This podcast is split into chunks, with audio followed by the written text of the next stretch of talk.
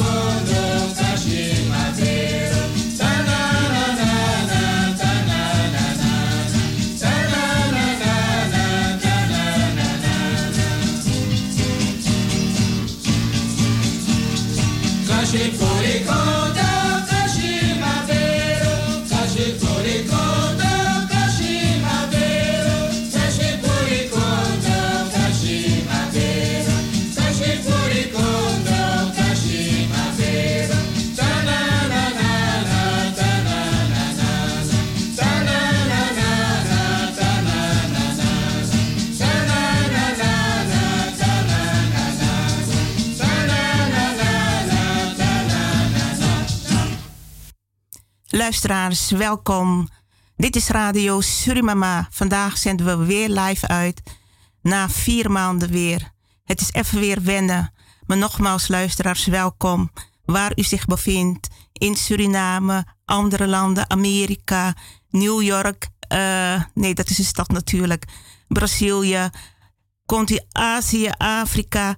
Radio Surimama is er voor iedereen. Wij zijn een kleurrijke uitzending. En we zijn blij als mensen van alle bevolkingsgroepen naar Radio Surimama luisteren.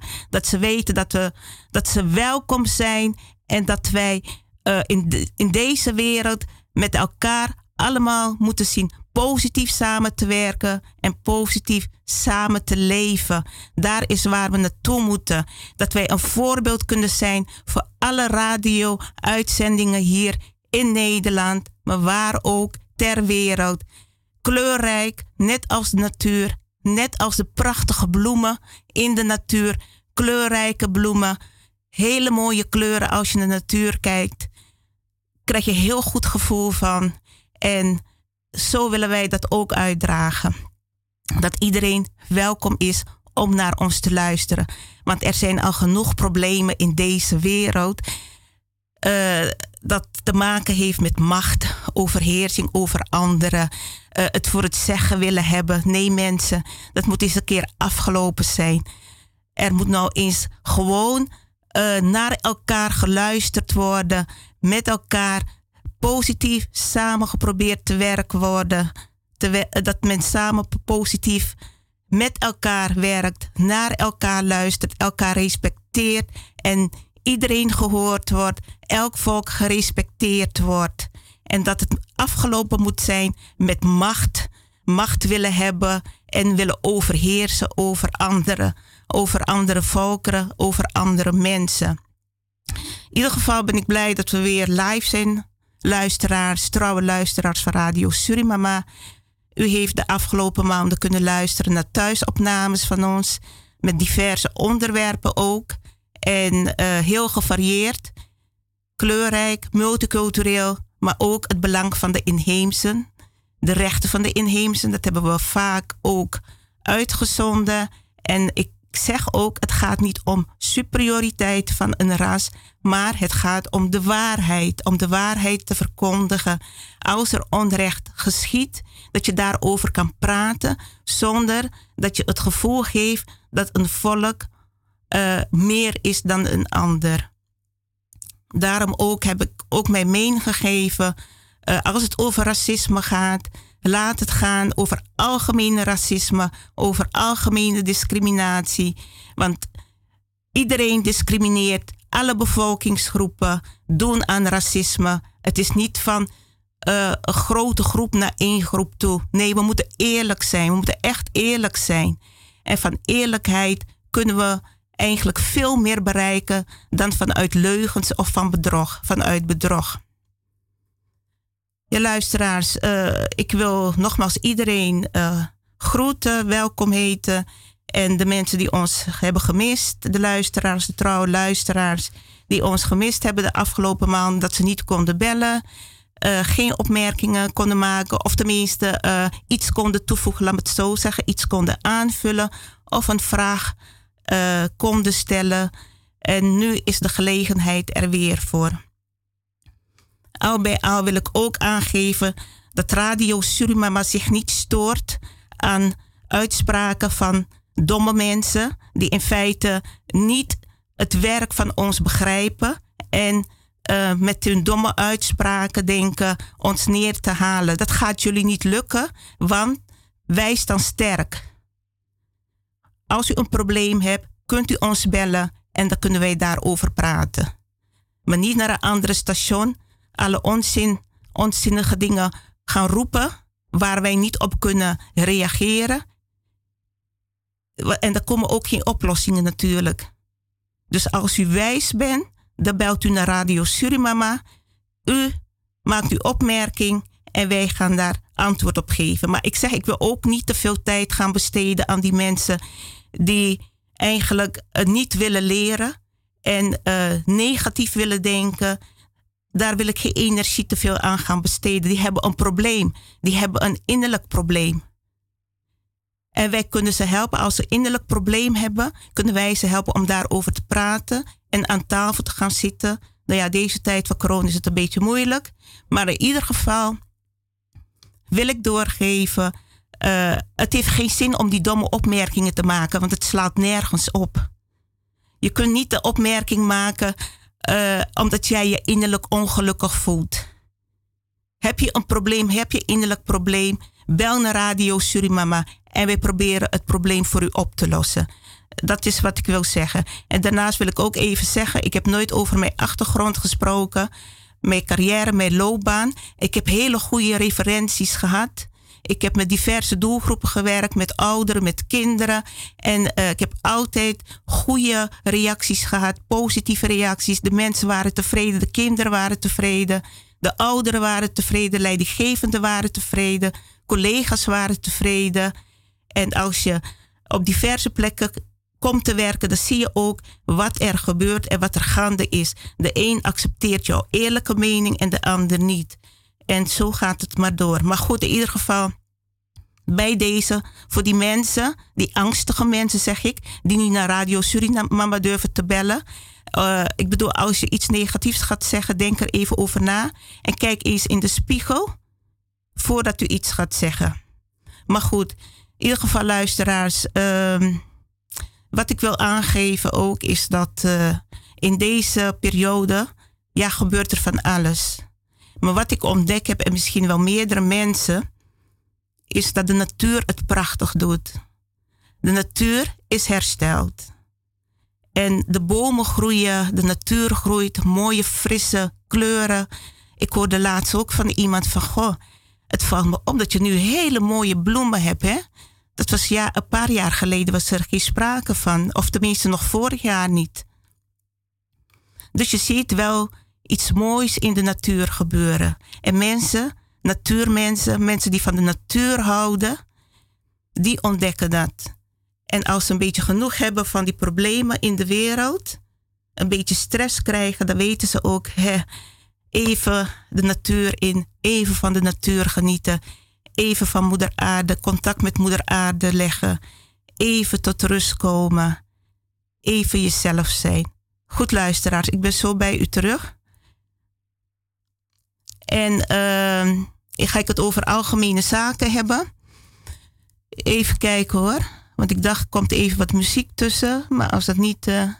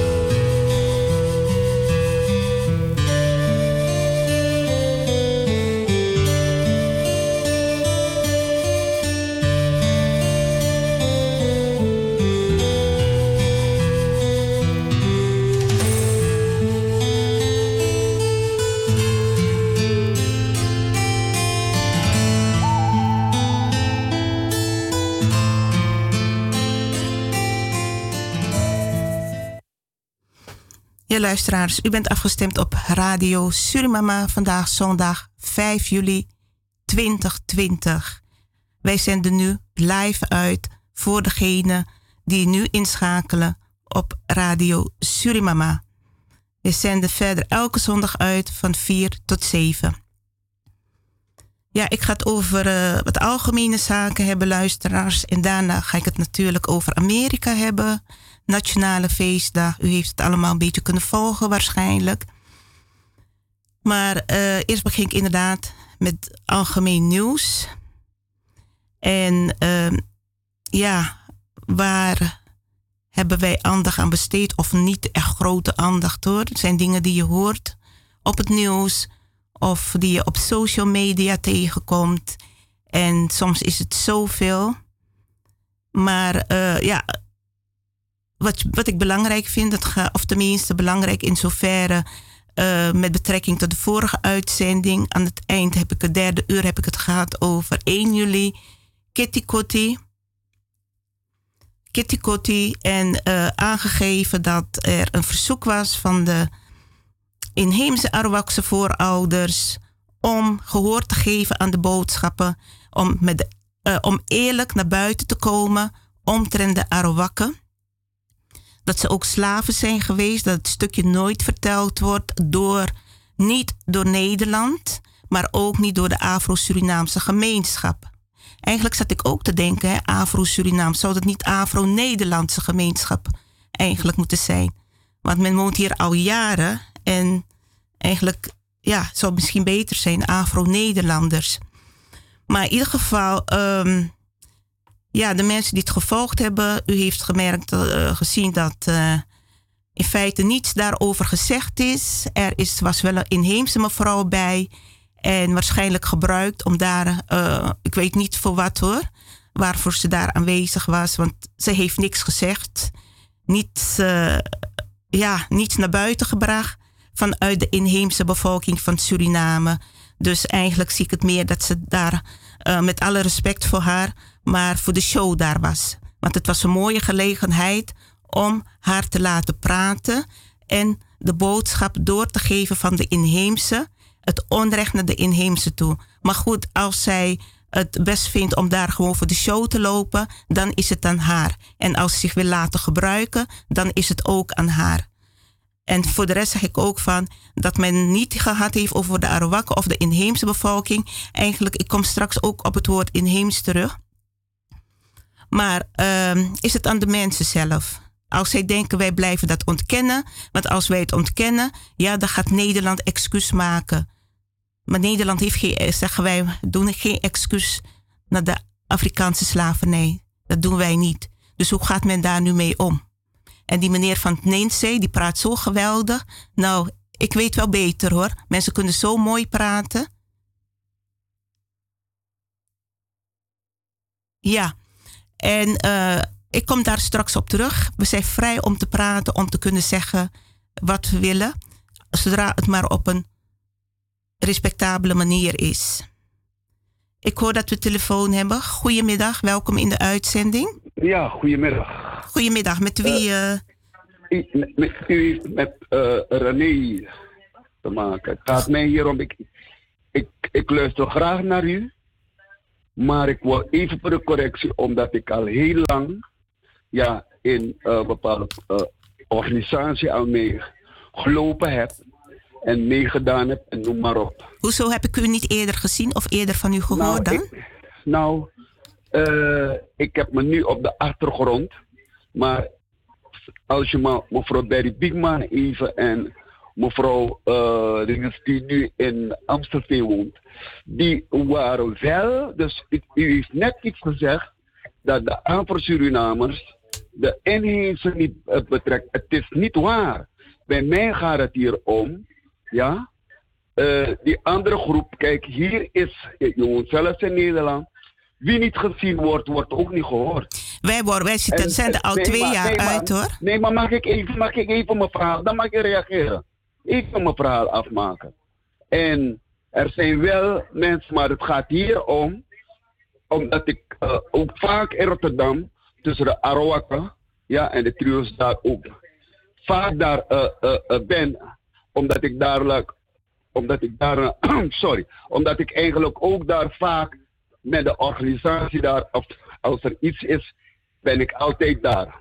Maar het gaat me hier om, waarom geef je nou, want de geschiedenis vind ik veel belangrijk aan de jongeren, de taal, ja, wat er namelijk, uh, wie de strijders zijn, wat was eigenlijk het contract van de inheemse met de vroegere tot slaafgemaakten die weggelopen waren.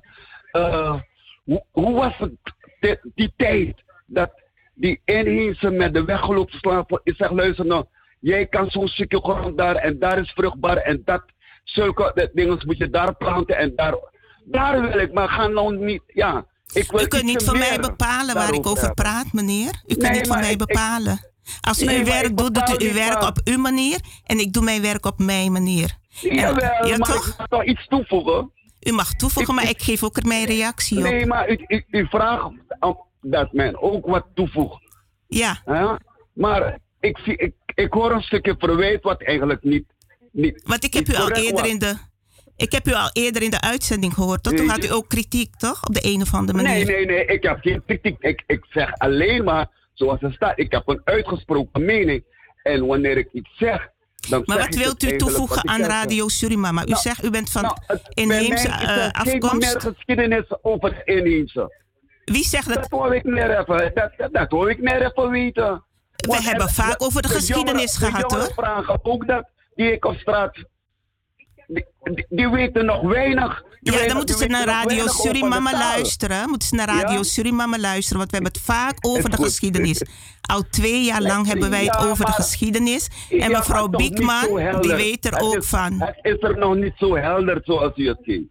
Ietsje het is- meer, ja. ietsje meer diepgang, ietsje meer diepgang. Ja, nou, lekker hoor. Nou, in ieder geval doet u op uw manier uw werk. Doet u op uw manier uw werk. En ik doe op mijn manier mijn werk. Dag meneer Ik René. u- Ja, ik dag hoor. u nog een uitzending. Ja, dag hoor. Het zijn van die mensen Dat je denkt, ze hebben altijd commentaar. Ze kunnen je niet benaderen, maar ze willen commentaar leveren. En ik zeg, als zo'n mevrouw, inheemse mevrouw, daar aanwezig is op 1 juli. Waarom kan zij niets zeggen over de inheemse? Hij komt naar mij toe, Radio Surimama moet het doen. Maar hij praat niet over die mevrouw die daar loopt en in feite voor de show loopt en niks zegt. Dus dat bedoel ik eigenlijk. Maar goed, als je elkaar niet wil begrijpen, dan zal dat ook nooit gebeuren. In ieder geval, uh, ja, dat is mijn mening over 1 juli. Er loopt daar een mevrouw met een pop rond. En ik weet niet wat die pop te betekenen heeft. Niemand die dat ook vraagt. Mensen zijn kritisch naar Radio Surimama. Maar is er iemand die vraagt van mevrouw, waarom loopt u daar met de pop eigenlijk? Wat is dat, waar staat dat voor eigenlijk? Maar men durft wel naar Radio Surimama te bellen en allerlei opmerkingen te maken.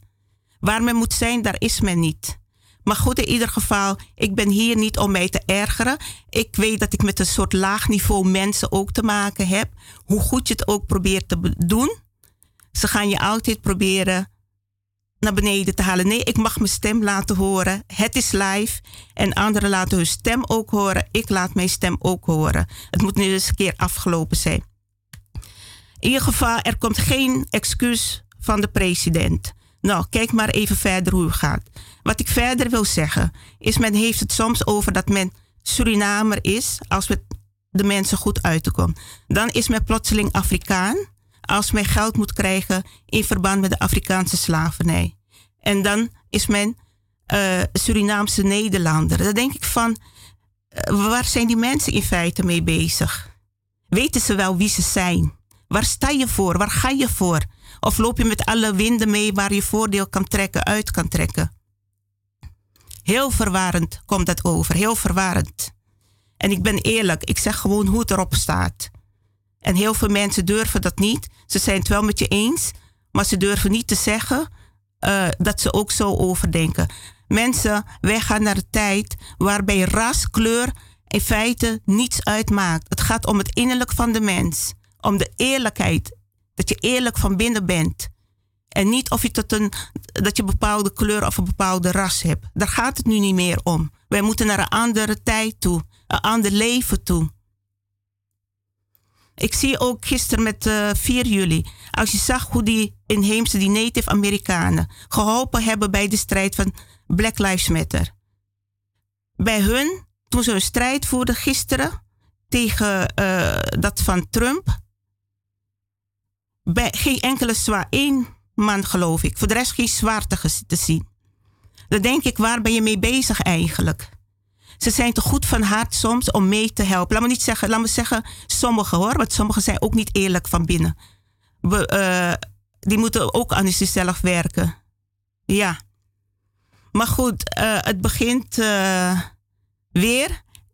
En we hebben een bellen luisteraars. Welkom in de uitzending. Goedemiddag. Ja, goedemiddag. Hier spreekt meneer Sabayo. Goedemiddag, meneer. Ik sta 100% achter jou en ga je steunen. Ja, ik ben de waarde broeder ja, van district Marwijnen. Ik ga René gewoon de antwoord geven wat hij allemaal gezegd hebt. Ik vind hem domme opmerking. Als hij niet weet, ja, om te zeggen wat hij moet zeggen, dan moet hij zijn mond dicht houden. Laat hij eerst gaan naar de geschiedenis, ja, voordat zijn voorouders werden, zeg maar, gepakt, ja, en vervoerd naar Zuid-Amerika. Ja, wie heeft zijn voorouders daar ontmoet in Suriname, die ze allemaal roepen, Suriname, Suriname. Laat ze maar terug gaan toch naar Afrika. Ik ben een mooie start van deze mensen. Ik wil ze niet beledigen of uitschelden, maar ik vind het niet ophouden. Laat, ik hoor vanmiddag ja, bij de uh, Maatradio ja, van de directeur van Nancy.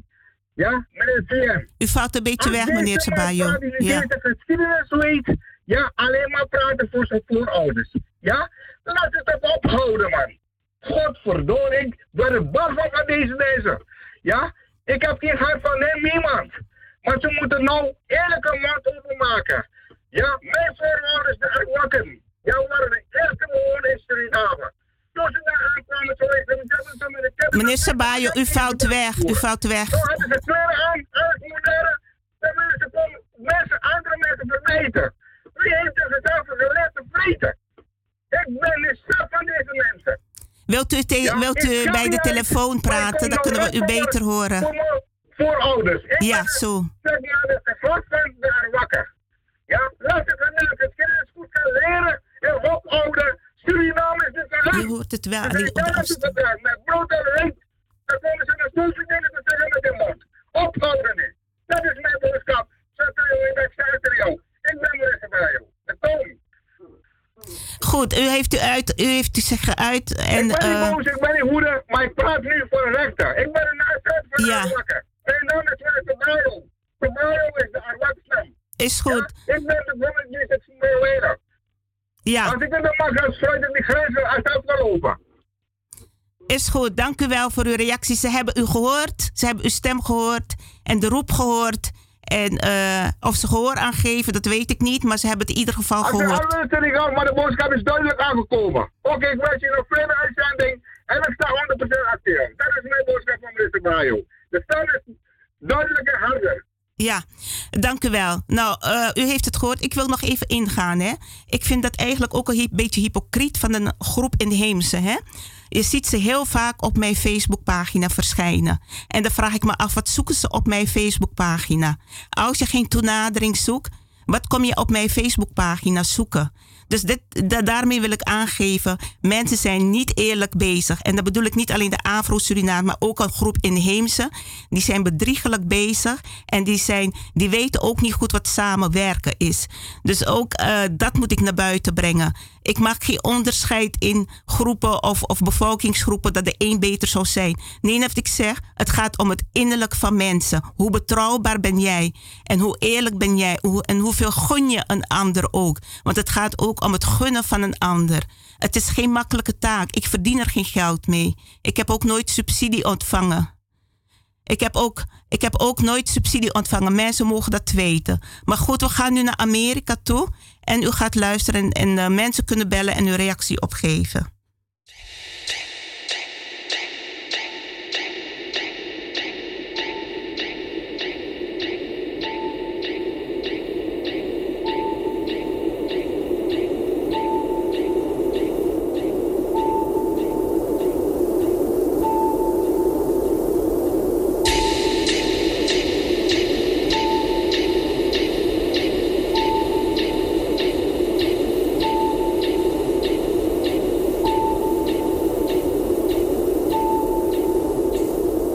Haalt uit bij viering onafhankelijkheid VS en laat omstreden vuurwerkshow gewoon doorgaan. De Amerikaanse president Trump heeft gisteren aan de vooravond van de viering van 4 juli in een toespraak links Amerika verweten de Amerikaanse geschiedenis af te breken. Trump sprak op een grote bijeenkomst nabij Mount Rushmore als onderdeel van de viering van de Amerikaanse onafhankelijkheidsdag. Ook vandaag staat er een grootse viering op het programma waar duizenden mensen worden verwacht. Trump beloofde zijn toehoorders bij Mount Rushmore dat hij een presidentieel bevel gaat uitvaardigen voor de stichting van een nationale tuin met Amerikaanse helden. Daarin komen volgens Trump de standbeelden van de grootste Amerikanen die ooit hebben geleefd. Bij de viering waren er schatting 7000 mensen aanwezig. Vrijwel niemand droeg een mondkapje en ook het advies om goed gepaste afstand te houden werd door veel aanwezigen genegeerd. Demonstranten die de weg naar het monument in de staat South Dakota blokkeerden, werden gearresteerd. Zij hadden kritiek op Trump vanwege het risico om het COVID-19-virus te verspreiden en voor het vieren van de Amerikaanse onafhankelijkheid op grond die voor hen oorspronkelijke bewoners van de VS heilig is. Trump bekeek bij Mount Rushmore ook een vuurwerkshow. Natuurbeschermingsorganisaties hadden geprotesteerd tegen het vuurwerk vanwege de vrees voor branden in het natuurgebied en het milieu.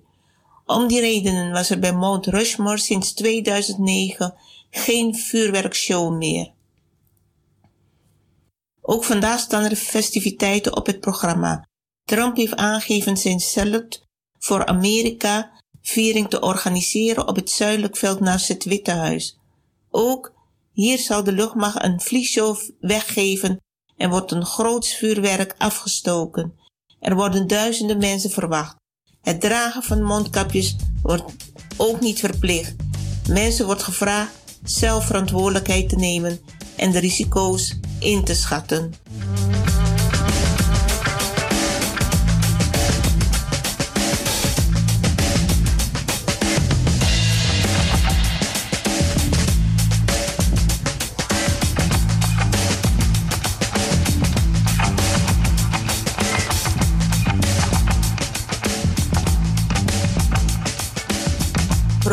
Mountain. Mount Rushmore volledig Mount Rushmore National Memorial is een Amerikaans monument gelegen in de Black Hills nabij Keystone, South Dakota. Het toont 18 meter hoge, uit graniet gehakte portretten van vier Amerikaanse presidenten: George Washington, Thomas Jefferson, Theodore Roosevelt en Abraham Lincoln. Het monument herdenkt de geboorte, groei en ontwikkeling van de Verenigde Staten. Dat is de bedoeling waarom het monument opgezet is. De berg Mount Rushmore stond bij de inheemse Lakota aanvankelijk bekend als Six Grandfathers. Voor hen hadden de berg en het gebied eromheen een belangrijke spirituele betekenis. Nadat George Armstrong Custer in 1874 goud vond in de Black Hills, ontstond er in deze regio een goudkoorts. De Amerikaanse inheemse oorlogen zorgden ervoor dat het gebied onder controle kwam van de Verenigde Staten. Tijdens een expeditie in 1885 werd de brug vernoemd naar Charles A. Rushmore, een prominent advocaat uit New York. Het plan van het monument. Om het toerisme en de economie in South Dakota te stimuleren, vatte Doan Robinson in 1923 het idee op om in de Black Hills een aantal kolossaal grote portretbeelden te laten uithakken. Aanvankelijk dacht Robinson hierbij aan beelden van grote figuren uit de geschiedenis van de staat South Dakota, zoals Lewis en Clark, Buffalo Bill en Red Cloud, een befaamd Indiaan, inheemse leider. Aan het einde van het jaar stuurde Robinson aan de Amerikaanse beeldhouwer Laredo Taft een brief, waarin hij zijn ideeën hieromtrent aan de orde stelde. Taft was evenwel ziek en kon niet meedenken over de verwezenlijking van Robinsons plannen. Hierop benaderde hij Godson Borglum, die even daarvoor had getekend voor het ontwerp van Confederation Memorial, een basrelief in Stone Mountain in de staat Georgia. Deze reageerde meteen enthousiast. Borglum zou later ook leiding geven aan de vervaardiging van het eigenlijke werk.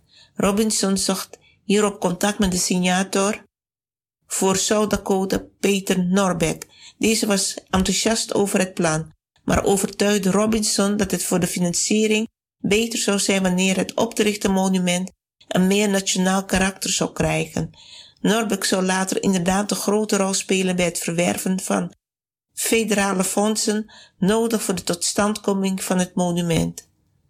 Als afhankelijke locatie voor het project werden enkele splitsvormige granieten rotsen aangewezen, bekend als de Needles, in het noorden van de Black Hills. Dit plan werd door Borglum echter verworpen, omdat hij zich realiseerde dat de kwaliteit van het geërodeerde graniet te pover was om er sculpturen van te maken. Bovendien zal de rotsen te dun zijn om de sculpturen te kunnen ondersteunen. Een geschiktere locatie werd 120 kilometer zuidelijker gevonden in Mount Rushmore, dat veel stabieler en gemakkelijker bewerkbaar was. Ook het feit dat deze bergwand naar het zuidoosten gericht was en zo'n maximum aan zonlicht zou verkrijgen, werd gezien als een groot voordeel.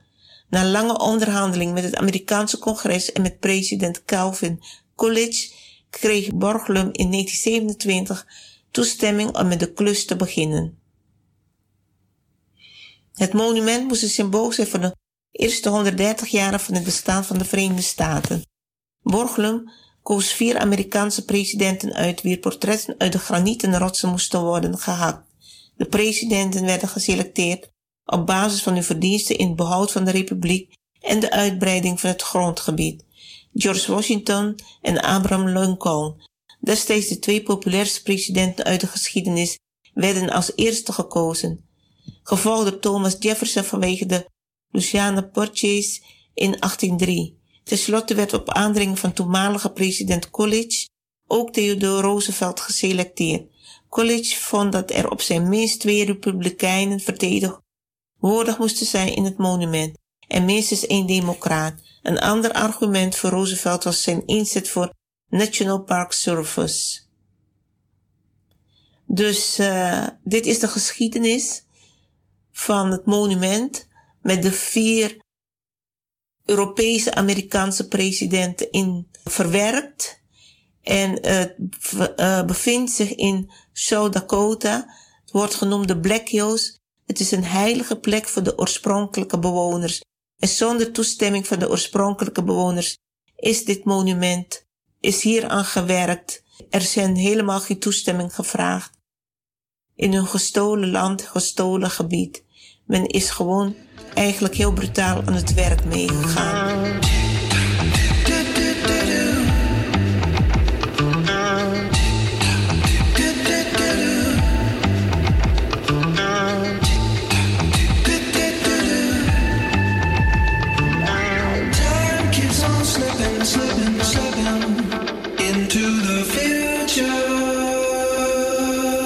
Juni 1782. Adelaar wordt Amerikaans symbool. Bij de onafhankelijkheid van de Verenigde Staten op 4 juli 1776 werd een motie aangenomen dat Franklin, Jefferson en Adams verantwoordelijk waren voor het bedenken van een nationaal symbool voor de Verenigde Staten van Amerika. De drie heren die mede verantwoordelijk waren voor de onafhankelijkheidsverklaring namen deze taak op zich en vormden een comité. Zes jaar later werd op 20 juni 1782 de afbeelding van de adelaar aangenomen als groot zegel en daarmee werd de adelaar het symbool van de Verenigde Staten. De uitdaging van het kiezen van een nationaal symbool zat in de vertaling van ideologie naar beeld. Er werd gezocht in bijbelse en mythische verhalen naar een betekenisvol symbool dat dienst kon doen, maar de zoektocht ging niet voorspoedig. De eerste commissie leverde in augustus 1776 zijn ontwerp in, de datum van de onafhankelijkheid, een afbeelding van het alziend oog en het Latijnse motto E pluribus unum, uit velen één. Het ontwerp werd echter afgewezen.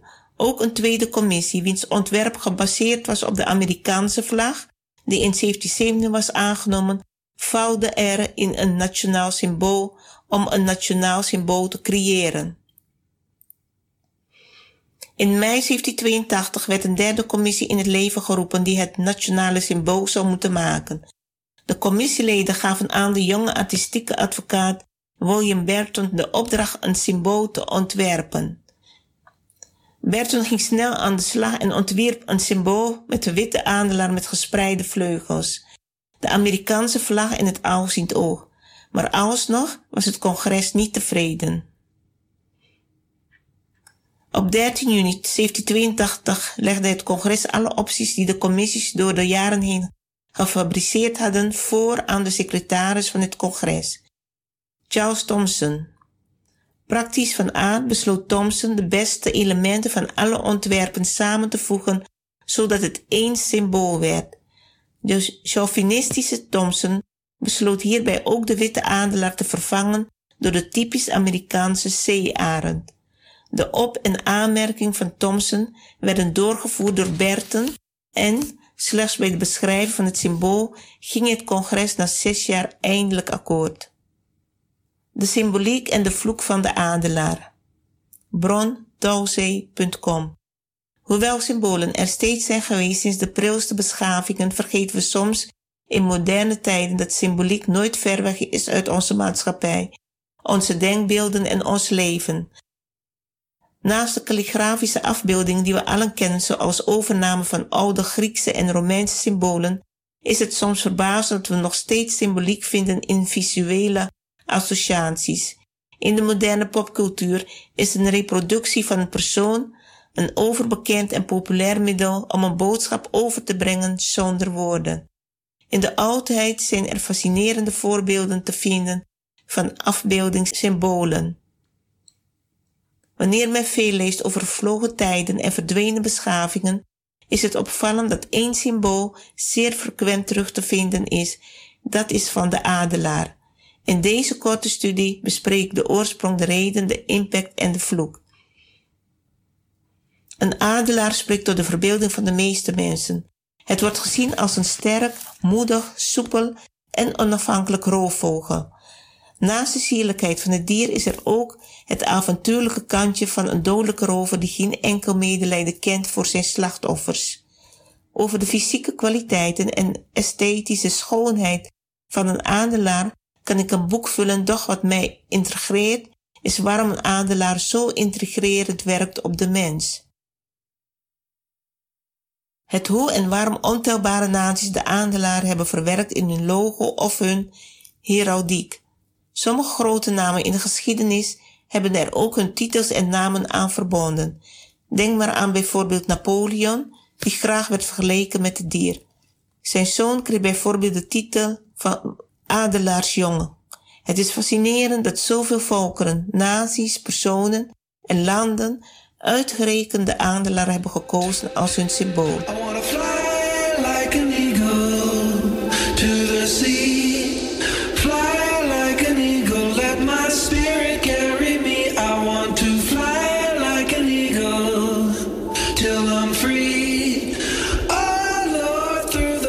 veel mensen, voornamelijk mannen, staat de adelaar als favoriet voor de fysische kwaliteiten van het dier. Langs de ene zijde is er een poëtische adoratie voor de sierlijkheid van een adelaar in volle vlucht. Aan de andere zijde is de fascinatie voor de ruwe, dodelijke killer. In het noorden van het Amerikaanse continent zijn er veel mensen die een adelaar in hun tuin houden als huisdier. De band tussen de mens en de adelaar is er één gebaseerd op respect en ontzag, maar er hangt ook iets magisch aan de interactie. Volgens oude Native-Amerikaanse legendes waren er inheemse stammen die een bijzondere band hadden met deze wezens.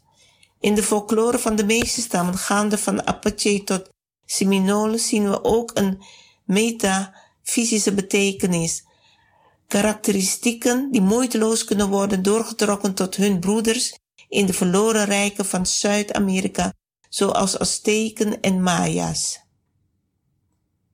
De adelaar als bedrijfssymboliek. De meeste bedrijven en organisaties kiezen de adelaar als representatie van de kracht van het dier. Een adelaar is het ultieme symbool van macht. Dit zijn exact de karakteristieken die bedrijfsleiders willen zien in hun bedrijf of organisatie. Men zou zich kunnen afvragen of de keuze van deze symboliek niet onderbewust gebonden is aan de drang naar het onbestrafte en zelfs meedogenloze. In de Verenigde Staten bijvoorbeeld zijn er heel wat advocatenkantoren met een adelaar verwerkt in een bedrijfslogo. De adelaar als nationaal symbool. De regionale of nationale betekenis van een adelaar verschilt sterk naar gelang de geografie. In bepaalde gebieden wordt de adelaar aanzien als een heilige vogel. De adelaar wordt meestal gebruikt als teken van sterkte voor een land, wordt overgenomen door departementen die kracht en snelheid willen uitdrukken, zoals monarchieën en adel, departementen van landsverdediging, ambassades en consulaten. In vele gevallen en vooral in de oudheid was de adelaar het symbool van de natie of het rijk. Wanneer men er begint op te letten, is het fascinerend hoeveel landen en organisaties de adelaar in hun vaandel dragen en dit over heel de wereld. De vloek van de adelaar. Uit al mijn opzoekingen is er één schrikwekkend constante naar boven gekomen. Het feit dat men als persoon of als natie kiest voor een krachtig symbool, in dit geval een dier, is geen zekerheid dat de eigenschappen van dit prachtige creatuur zich transporteren naar de natie of de organisatie. Dit is de onnuchtering van de symboliek. Een symbool is een grafische of visuele representatie van een gedachte. Niet de materiële symboliek, zoals een vlag, een embleem, een uniform, maken deze droom of zienswijze waar, maar wel de mensen en de gedachten die worden verondersteld deze symbolen te dragen in kracht, woord en daad. Tot mijn ontzetting ben ik tot de conclusie gekomen dat de adelaar werd verkozen als uitgangsbord door de machtigste rijken ter wereld, door de meest invloedrijke en belangrijke historische figuren, doch dat de meeste van hen de tand des tijden niet hebben overleefd. Uiteraard hebben deze naties en mensen zich een plaats verzekerd in de geschiedenis. Doch er zijn weinig van die naties die de dag vandaag nog bestaan in hun oorspronkelijke vorm. De meeste historische protagonisten die de adelaar hebben verkozen als heimelijk alter ego kwamen aan een onverwacht en tragisch einde. Onder bepaalde denkers leeft dan ook de gedachte dat de adelaar eveneens een vloek is voor hen die hen ten onrechte adopteren voor politieke of persoonlijke redenen of belangen. De adelaar als symbool is ouder dan de heraldiek zelf. In het oude Egypte was de valk en de adelaar symbolen voor Horus. In het oude Rome werd het een symbool voor Jupiter. Het grote Romeinse Rijk maakte van de adelaar zijn standaard symbool in 102 voor Christus. De Romeinse adelaar was bekend onder de naam Aquila. Ieder Romeinse legioen had zijn eigen adelaar. In de islam was de zwarte adelaar het symbool van Mohammed. In de middeleeuwen waren de representaties van adelaars ontelbaar vooral onder de Duitse en Britse adel. De adelaars deden overal hun intreden in Europa op de toernooien, de slagvelden en de kruistochten. De variaties van de arend waren enorm verschillend in vorm, kleur. De tweekoppige adelaar deed zijn intreden en zelfs een driekoppige adelaar. Byzantijnse Rijk, dubbelkoppig adelaar als symbool voor de macht in Europa en Azië. 1261 was dat. Het zaar van het Groot-Russische Rijk adapteerde dubbelkoppige adelaar in 1472.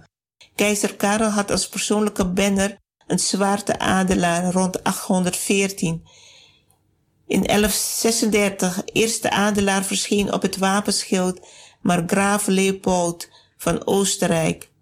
Rond 1172 tot 1190 is er een munt gevonden in Maastricht, waarschijnlijk afkomstig uit een adellijke familie die deelnam aan de kruistochten. Frederik Barbarossa benoemde de adelaar als het symbool van het Heilige Roomse Rijk.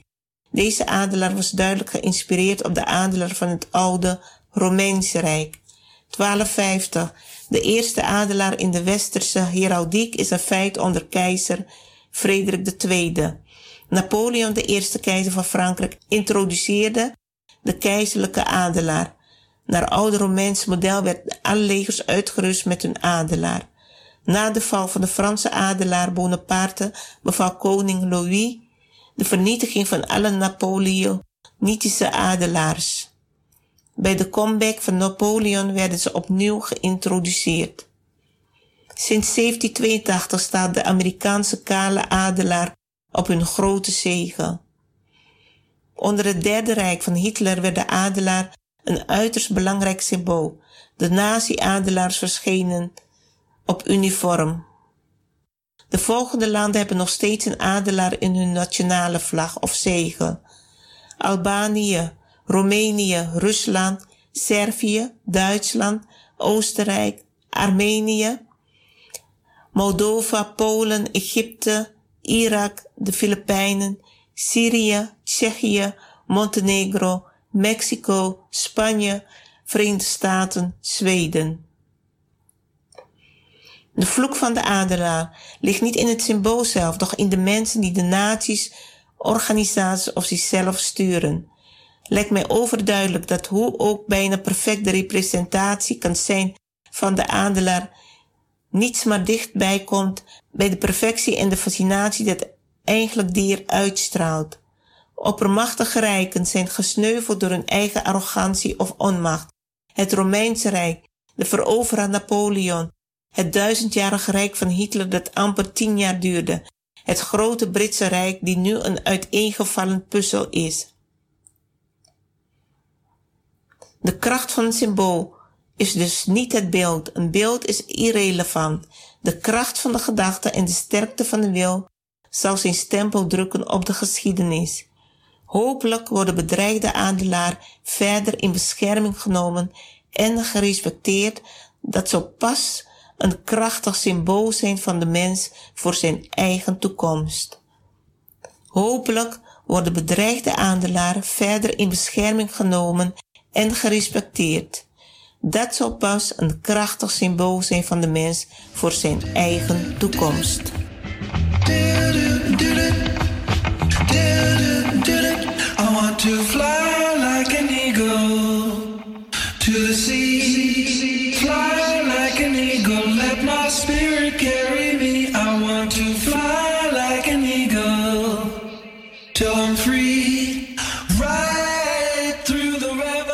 Vlag van Amerika.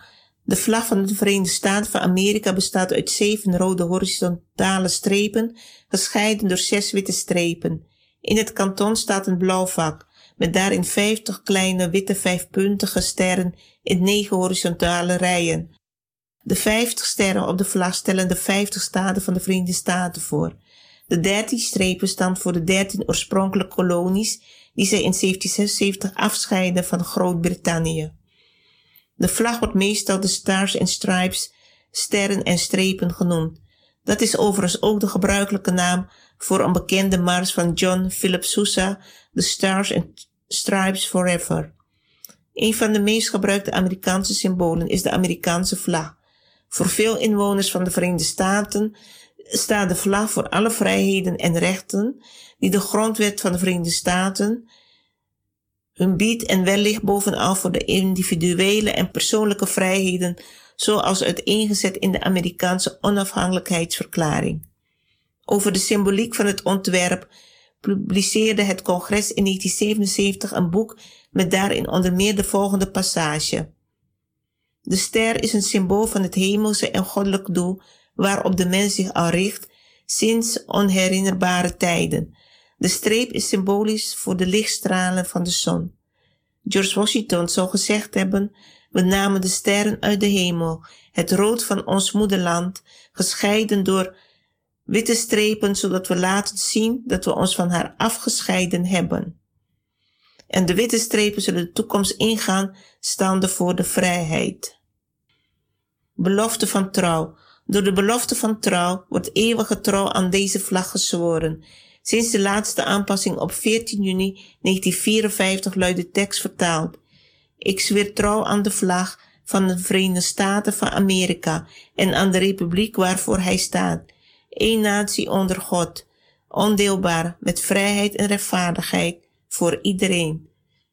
Nogmaals, met vrijheid en rechtvaardigheid voor iedereen. Hier klopt natuurlijk helemaal niets van betreffende vrijheid en rechtvaardigheid voor iedereen.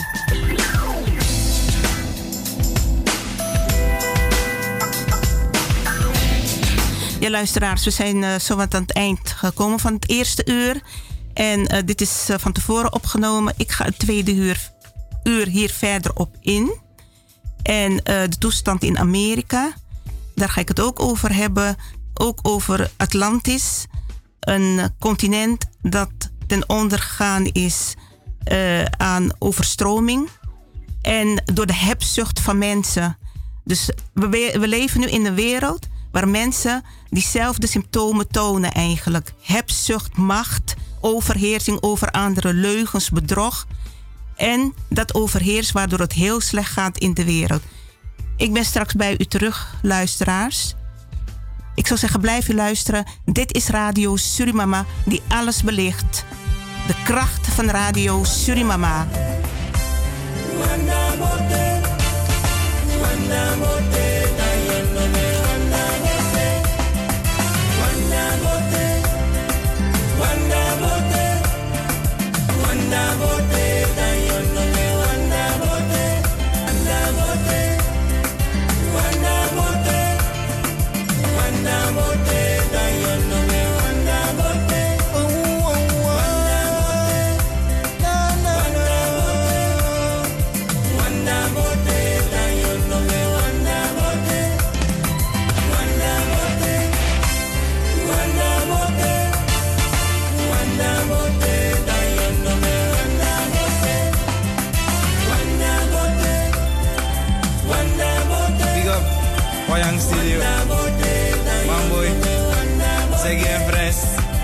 Big up you too. Okanaba. Tayo no be. Durachi wabo.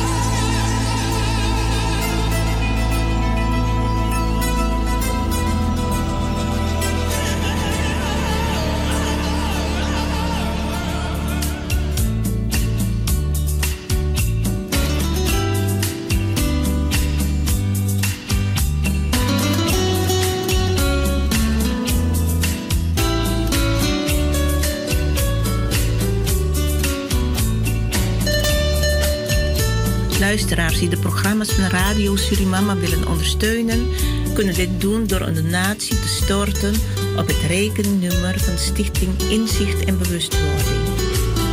Het rekeningnummer is IBAN NL 94 INGB 0007 845337 NL 94 INGB 0007 845337. Uw donatie is welkom en alvast hartelijk dank ervoor.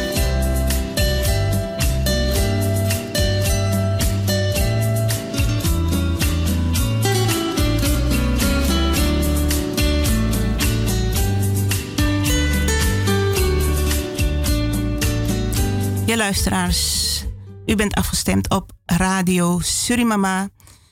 Luisteraars die willen bellen, die kunnen dat doen naar telefoonnummer 020 788 43 4305. Nogmaals 020 788 4305. Um, ja, ik heb weer de spirit ontvangen van de helpers. En ik kan er weer tegenaan. Trouwens, dat blijft altijd in balans. Vertrouwen is de kracht waarmee je bezig bent. En laat je niet klein krijgen door kwade etniteiten die je naar beneden willen halen. Want ze blijven het proberen. Hè? Hier heb je altijd op deze wereld heb je het goede en het kwade. Mensen die goed bezig zijn. Dan komen die etniteiten ertussen en die willen je naar beneden trekken, je verzwakken, je geestelijk verzwakken. Maar dat gaat niet lukken, mensen. Sorry. Uh, we hebben meneer Sabayo nog eens uh, aan de telefoon, hoor ik. Ik hoop dat u nu ja. een beetje ja. beter uh, te horen bent, meneer Sabayo. Ja, goedemiddag. Met meneer Sabayo nog een keer. ik wil het eventjes bijvoegen dat jij die opmerking van René, die slaat nergens op, laat hij beter de geschiedenis gaan leren. Snap je? En wat ik wil zeggen, ik heb het niet over alleen maar die slaven die daar zijn, over die donkere mensen. Ik heb het ook over de Hunestanen en de Japanen. Kijk, deze bevolkingsgroepen die daar zijn toegebracht, hebben geen weet hoe het land eruit zag toen ze daar naartoe gingen. Ze zijn daar naartoe gebracht om niet het Suriname op te bouwen. Als we kijken terug naar de geschiedenis van de eeuw 1, zijn ze daartoe gebracht om voor die bleke mensen te werken voor hun rijkdom. Ja, zo. Suriname is overgenomen en al die mensen die daar al waren, de voorouders, hebben ze vermoord. Hebben ze verneden verkracht. Ja, hun waren de eerste, ja, die hebben ze allemaal, zeg maar, vernederd. Toen gingen ze hun halen, kwamen ze daar, ze weten niet beter, toen ze zagen waar ze terecht kwam van een land van vruchtbaarheid, ja, leefbaarheid, welzijn, snap je? En de grondstof. En nu schuiven ze de mensen die hun hebben geholpen om binnen te komen. Ja, sommigen die zijn naar de bos leren eten en alles. En nu zijn ze zo ondankbaar. Ja, dan vraag ik mezelf af, wat doet nu deze mensen die daar zijn gebracht? ja, de immigranten, ja, die ze komen in zo'n paradijs waar ze nu wonen, die ze nu willen ineigen. Alles van hun is voor hun. Maar, ik zeg één ding, wij gaan gewoon door en wij gaan vechten voor onze voorouders, ja, wat ze hebben kwijtgeraakt. Wij zijn de nazaten van de Arawakken. En de Arawakken zijn de grootste, ja, hun moraal en hun karakter en discipline, ja, hun alles wat ze hadden.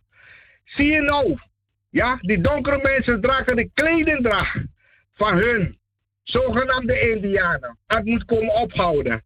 Zingen over de Arawakken en de Indianen. Het moet ook komen. Luister naar de Afrikaanse liederen en de Afrikaanse panjeren. En dat moet komen ophouden. Kom niet met andermans spullen zorg en vernederen. Het is een belediging van de Arawakken volk.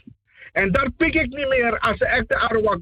Ja, dus ik zeg nu, laat die mensen, ja, zoals die donkere mensen, hun stalen die ervaren, nu luisteren. Ja, het is geen kwestie van schelden, maar het is een kwestie van waarheid. Ja, laat ze nou de geschiedenis niet gaan vervalsen als wat die bleke mensen tot nu toe hebben gedaan. Ja, ik vind het schandalig.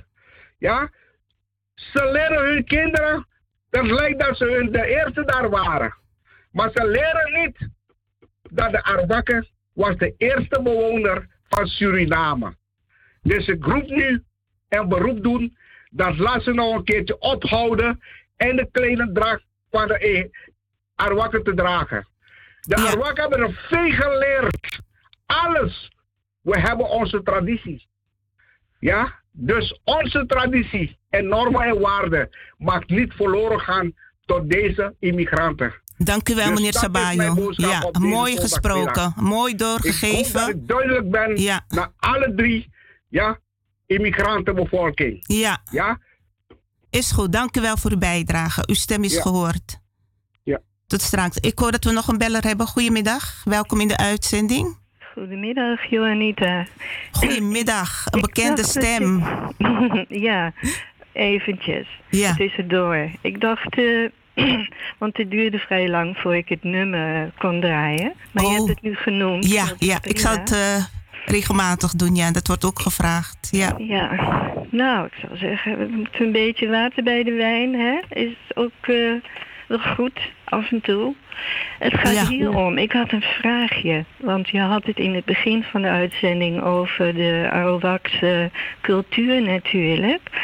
En eh, die bellen, die vond ik eigenlijk eh, niet zo een moeilijke vraag stellen. Want ook ik denk vaak van de Arawakse taal, die is natuurlijk niet eh, opgeschreven.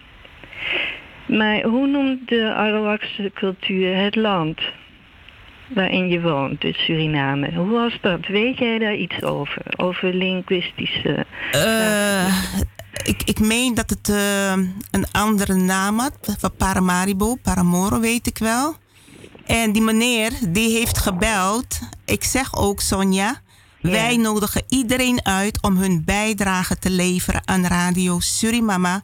Wij weten ook niet alles. Maar eh, wat ik merk is dat mensen op afstand blijven luisteren. En als er iets te vertellen was, dan zijn ze er snel bij. Ik roep iedereen. Ik heb gezegd inheemse. Lever je bijdrage. Laat weten. Deel je kennis. Radio Surimama is voor jullie.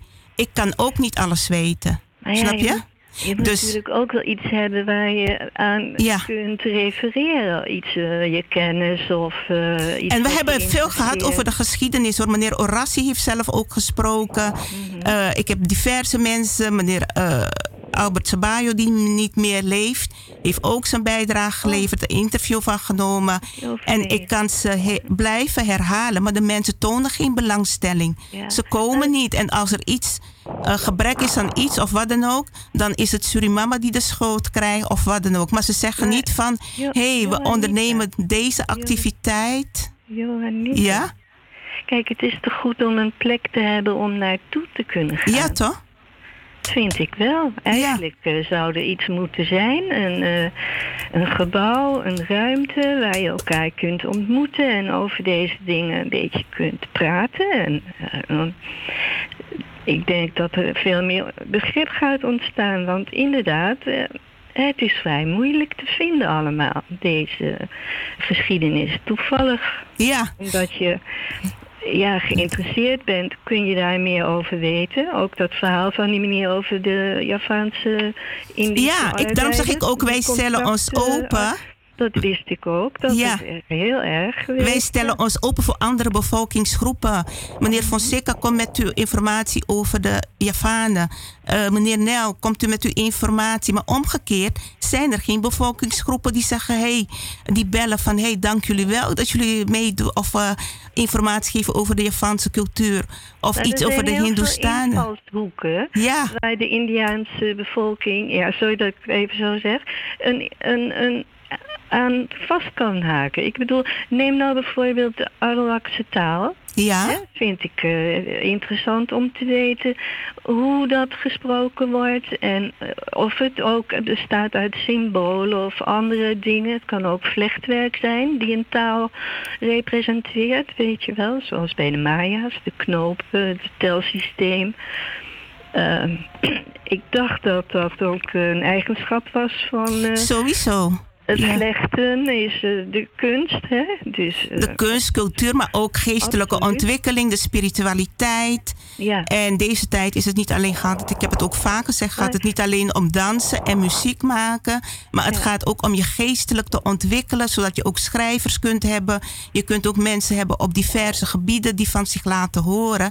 Ik zeg Radio Surimama is een bron, moet je als een bron zien, dat mensen kunnen bellen en zeggen wij ondernemen die activiteit of we nodigen de mensen uit. Of, maar ik kan niet alleen iedereen gaan benaderen en noem maar op. En als er iets eh, dat men gebrek vindt of men Eh. vindt dat er niet voldoende aandacht aan besteed wordt en dan gelijk met de opmerking komt, dan zeg ik van neem ook je verantwoordelijkheid. Mensen, neem ook je verantwoordelijkheid en Ja. kom zelf met Zoals je initiatieven. weet, de ziel is een ontvlambare eh, brandstof, eh, lijkt het.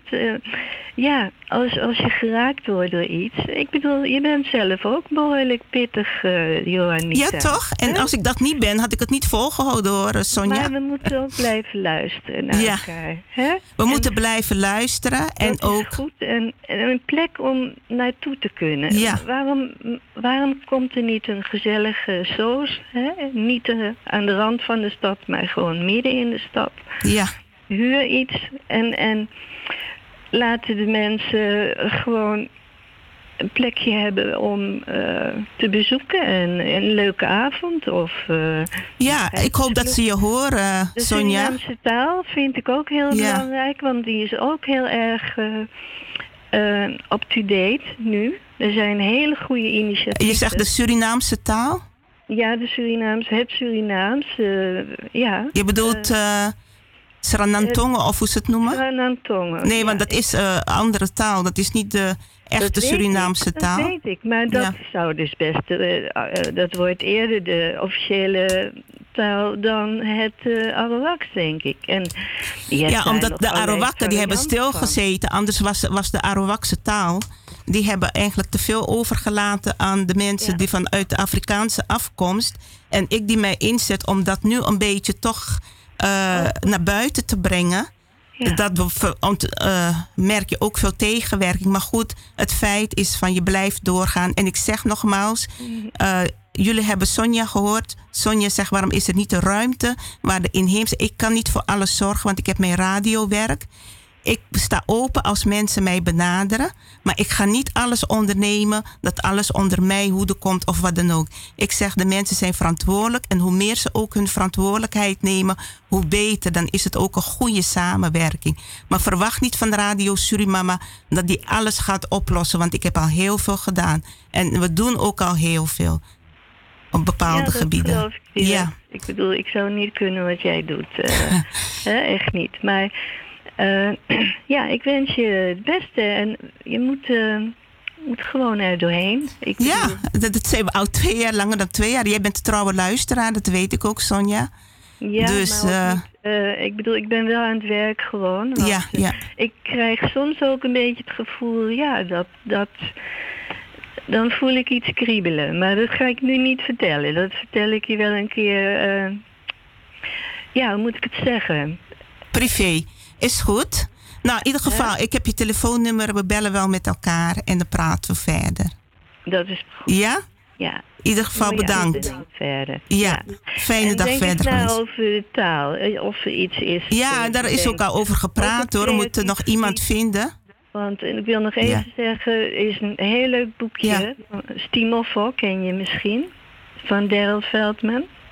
Nee, ken ik niet. Dat is geweldig. Moet je maar eens gaan kijken. En hij doet leuke dingen met tekeningen voor kinderen. Nou, misschien kun je hem uitnodigen dat ik uh, voor een interview kom met de Radio Surimama. Dus je weet het niet. Ja, als hij geïnteresseerd is in uh, de Arawakse ja, toch? taal, dan zou dat best. Want welke woorden zijn uh, overgenomen uit die taal? Zoals je weet, de Sioux hebben ook het oké okay geïntroduceerd in, de, in het Engels. Wist je dat? Ja, okay. even kijken, want ik moet de tijd ook even in de gaten houden. Ik ga even door. Ja, is goed. Want anders Dag, komen we tijd tekort. Dank je wel, hè. Fijne zondag doei, verder doei, gewenst. Doei, doei. Ja, dag. Goed, uh, luisteraars. Uh, we gaan nu naar een bijdrage luisteren van Alfred.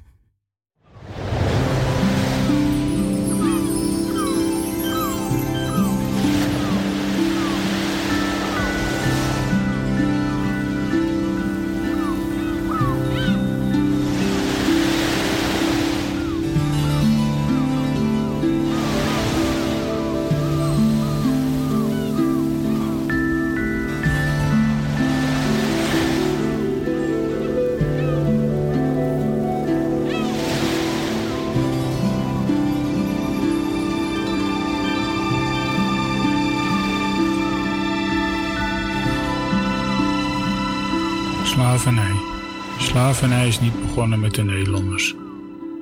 Het bestond al eeuwen daarvoor, wereldwijd. Als het goed is, staat de Bijbel er vol van. Maar als we kijken naar bijvoorbeeld Egypte, ver voor Jezus, die trouwens geen Jezus heette, want men kende de letter J niet in de taal die ze spraken. Maar dat is een ander onderwerp. In Egypte kwam dus ver voor Jezus al slavernij voor. Neem het verhaal van Mozes, die gevonden was door de vrouw van de farao en werd opgevoed als hun eigen zoon. Mozes, die waarschijnlijk toen Mozes werd genoemd, hij begaf zich onder de slaven van de farao. Verder kent men het verhaal waarschijnlijk wel. Ver voor die tijd was er ook slavernij.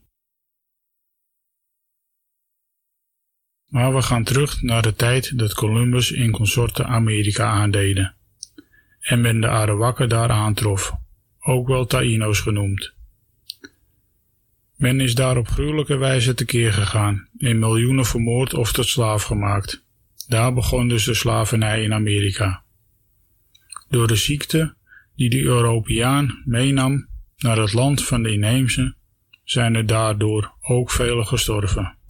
Let wel dat er heel wat zijn vermoord en misbruikt. Later kwamen er meerdere landen die wilden profiteren van dit land, zoals Portugal, Engeland, Frankrijk en Nederland. Nu zijn ze er verder gaan kijken, zo zijn ze in Suriname terechtgekomen, waar men ook de Arawakken als eerste ontmoette en hen ook probeerde tot slaaf te maken. Men is in opstand gekomen en zijn dieper de jungle ingegaan. Maar er waren toch heel wat tot slaaf gemaakt. Maar men kon niet tegen de ziektes die de Europeaan meebracht. En men deze inheemse niet meer als slaaf wilde. Het groepje elite Nederlanders die ondertussen Suriname in handen had, heeft toen op een gegeven moment eerst Afrikaanse slaven gehaald uit Brazilië, in Recife, die de Portugezen daar in handen hadden.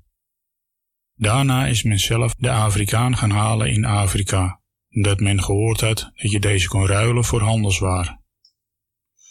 Nu werden de gevangen genomen Afrikanen door hun eigen mens ofwel hun koning verhandeld aan de elite Nederlander. Nu spring ik even terug naar wat de inheemse van Amerika is overkomen. Die uit zijn gemoord, dat is de Afrikaan niet overkomen. Men werd vervoerd naar een ander land om daar te gaan werken op plantages.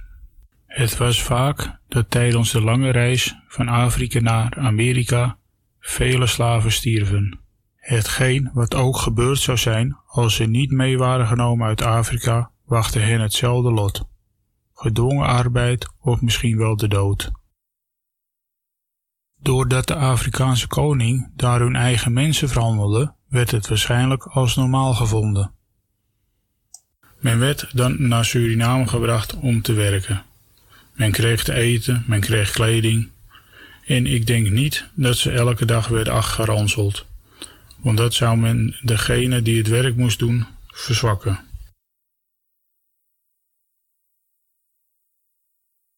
Nu waren er ook die op een gegeven moment werden geholpen door inheemse om te vluchten de jungle in en ze daar hebben opgevangen en geholpen om te kunnen overleven in de jungle.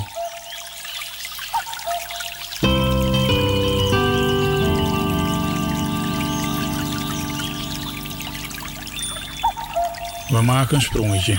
In de tijd, nu wil men in deze de gehele Nederlandse bevolking verantwoordelijk stellen voor wat er is gebeurd.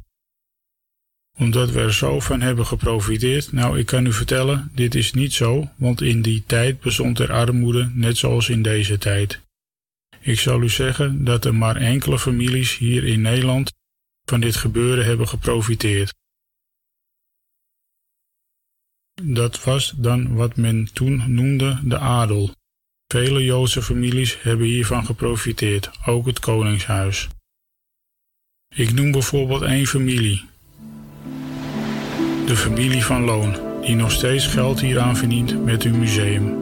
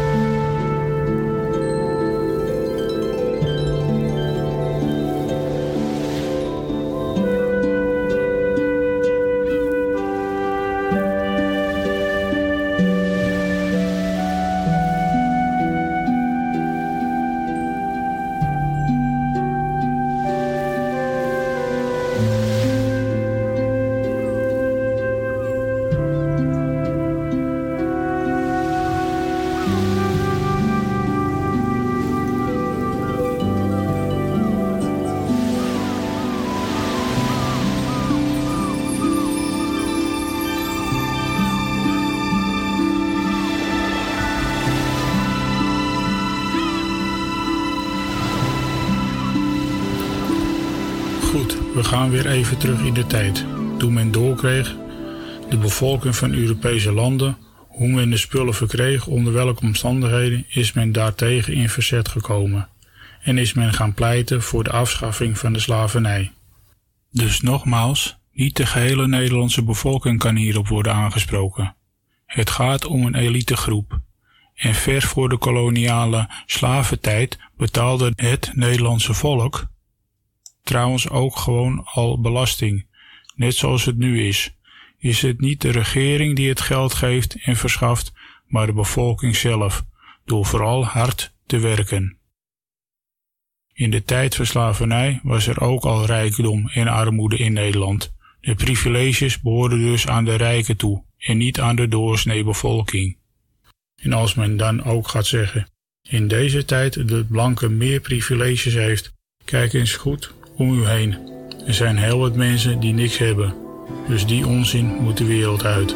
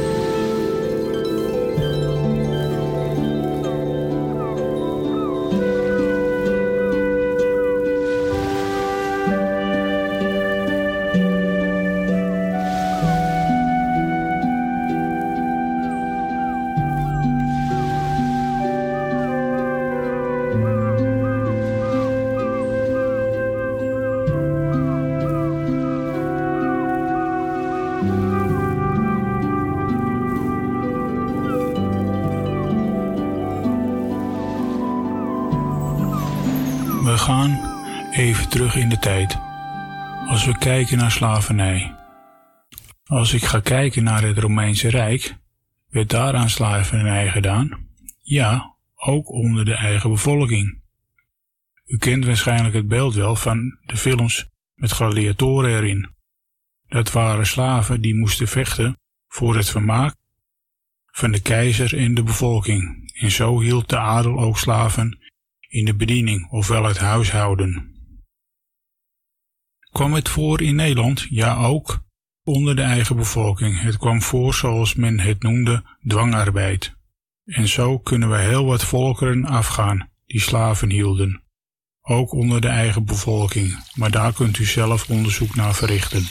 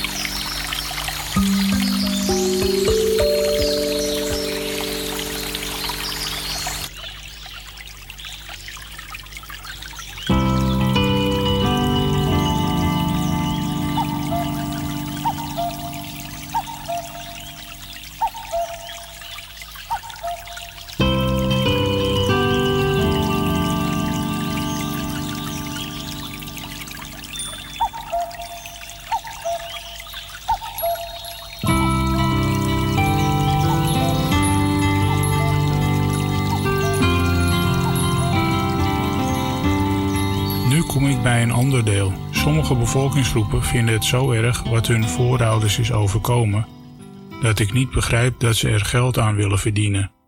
Neem nou bijvoorbeeld een oorlogsmusea. Nu wil de Afro-gemeenschap ook een museum, dus ook geld verdienen aan het leed van hun voorouders. Dit is iets wat ik niet begrijp. Nu gaan we over op het woord racisme. Deze term kan men alleen gebruiken als een bepaalde bevolkingsgroep de andere bevolkingsgroep iets aandoet. Als men onder elkaar van dezelfde bevolkingsgroep iets aandoet, geldt dit niet dus. Ik vind de term niet gepast en is gemakkelijk te gebruiken als iets je niet bevalt. En laten andere bevolkingsgroepen nu niet doen of ze allemaal van die lievertjes zijn. Zoals gezegd wordt, rotte appels komen overal voor. Stel nu dat een blanke man door een blanke politieagent was gedood. Wat ook voorkomt, wat niet goed is. Was er dan een protestactie gekomen? Ik ben bang van niet. We kunnen alleen concluderen dat de betreffende politieagent misschien niet juist gehandeld heeft. Dat ligt aan de situatie waarin het is gebeurd. En heeft hij verkeerd gehandeld, zal hij berecht moeten worden, net als een ieder die verkeerd handelt. Dus doodt men iemand onder de eigen bevolking, wat ook een verkeerde handeling is, maar vaak wordt goed gepraat. Wordt het onder moord geplaatst, maar is er twee verschillende kleuren, wordt er meteen van racistische bedoelingen uitgegaan.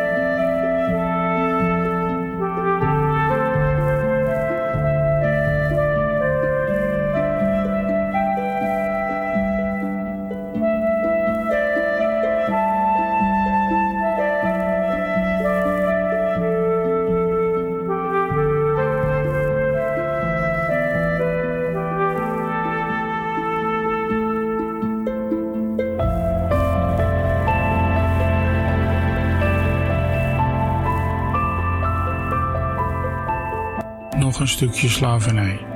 Als men kijkt naar nu, het heden, is er nog steeds slavernij. Zoals landen als Afrika, India, waar men arbeid verricht onder erbarmelijke omstandigheden. Ook heb ik het over vrouwenhandel, ook wel seksslaven genoemd. Of gedwongen kinderprostitutie. Denk dat daar ook voor geprotesteerd moet worden en wereldwijd aangepakt dient te worden. Men praat ook vaak over discriminatie. Nou, ik kan u vertellen dat er onder elke bevolking een vorm van discriminatie voorkomt. India, het kastensysteem, is een vorm van discriminatie. In Afrika discrimineert men onder elkaar. Ook in Nederland komt het voor. Neem bijvoorbeeld een meisje of een jongetje met een brilletje of anders is, wordt buitengesloten of met allerlei nare woorden bestookt. Maar nu komt het. Dan ineens valt het onder de noemer pesten. Ook wil men van bepaalde dingen afkomen. Is het ook zo dat bevolkingsgroepen in hun eigen cultuur blijven hangen, omdat het het soort van makkelijker is of veiliger voelt? Dan wordt er ook vaak geopperd dat de Nederlander eerder de Nederlander helpt. Nou, ik denk dat het andersom meer geldt denk dat de Marokkaan of de Turk of de Afro of de Chinees of welke bevolking dan ook eerder hun eigen bevolkingsgroep helpen dan een ander. Dus eigenlijk is het de pot verwijt de ketel dat het zwart ziet. Bij geloven ligt het nog gevoeliger. Want onder de geloven is, was de discriminatie het hevigst. Denken we dat we een rabbi, een imam, een, een kardinaal, een welk hoofdpersoon van een geloof dan ook aan één tafel kunnen zitten? Is het niet zo dat door het geloof ook veel discriminatie is en geweld? Er is zoveel mis in de wereld, maar als u de splinter uit het oog van de ander wil halen, begin met de balk in uw eigen oog.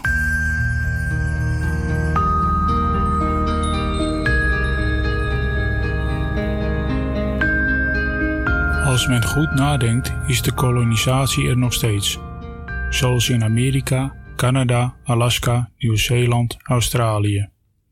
Landen zoals India, Indonesië zijn er vrij van geworden. Deze landen zijn teruggegeven aan de oorspronkelijke bewoners. Nu gaan we het hebben over oorspronkelijk bewoners van andere landen, wat ik noemde. Deze mensen hebben nooit om gevraagd hun land af te nemen. Neem het land Suriname. De oorspronkelijke bewoners, de inheemse, hebben er nooit om gevraagd hun land of grondgebied in beslag te nemen. Ze hebben er ook nooit om gevraagd er andere bevolkingsgroepen naartoe te behalen, maar dat is toch gebeurd. Dus ook hun land is gekoloniseerd. En als je goed nadenkt, doen de bevolkingsgroepen die daar naartoe zijn gebracht hetzelfde, ze gaan op de oude voet door. Hoe kan het dat India Indonesië wel terug is gegeven aan de oorspronkelijke bewoners en het land zoals Suriname niet? Ik wil de inheemsen een hart onder de riem steken. Het land is onrechtmatig van u afgenomen en er is een papier ondertekend wat men de onafhankelijkheidsakte noemt. Men heeft het land aan een andere bevolkingsgroep gegeven. Maar deze akte stelt niks voor, want in de wet staat wat u onrechtmatig heeft verkregen is niet van u. Dus de bevolkingsgroep die toen het land heeft overgenomen, heeft niet uit zichzelf gedacht: wacht even, dit land is van de oorspronkelijke bewoners, dus we geven het aan deze mensen terug. Helaas niet gebeurd, dus eigenlijk doet men nu aan heling en gedraagt men zich hetzelfde als de kolonist. Men wil heersen in een land wat niet hen toebehoort. En ditzelfde gebeurt dus ook in de andere landen die ik aan het begin noemde. De bevolkingsgroepen die daar naartoe zijn gehaald onderdrukken net zo goed de oorspronkelijke bewoners. Vindt u dit zelf ook niet vreemd? Vindt u het niet vreemd dat de oorspronkelijke bewoners totaal geen recht hebben of zeggenschap? Is het niet vreemd dat men daar niet massaal voor protesteert? Daar houdt men liever de ogen en de oren voor gesloten. Kijk eens goed wat deze mensen voor onrecht is aangedaan, met genocide, valse beloftes, ook valse actes die eigenlijk niks voorstellen. Het is maar een verzonnen papiertje, net zo goed als geld.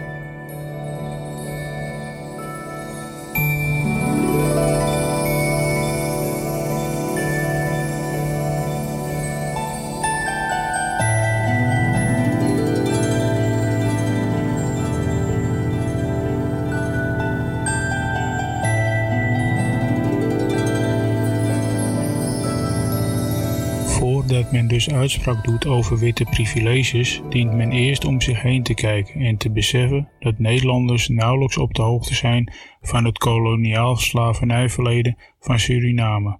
Blijkt uit de ontwetenheid dat de grootste deel nog steeds niet precies weet wie de oorspronkelijke bewoners van Suriname zijn, en ook dat zij als eerst tot slaaf zijn gemaakt dat ook een groot aantal Nederlanders het momenteel moeilijk hebben en niet van allerlei witte privileges kunnen genieten zoals men beweert.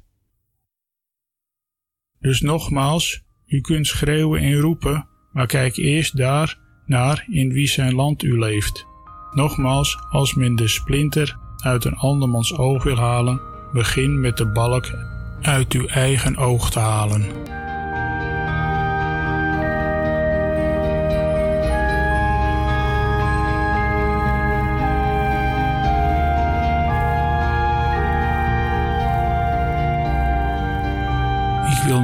Terugkomen op een stukje verleden van de slavernij. Is het niet zo dat men dus ook excuus moet vragen in Afrika? Want daar zijn ze tenslotte tot slaaf gemaakt, door hun eigen bevolking, ofwel hun eigen koning. Ik denk dat daar ook eens naar gekeken dient te worden. Begin bij het begin.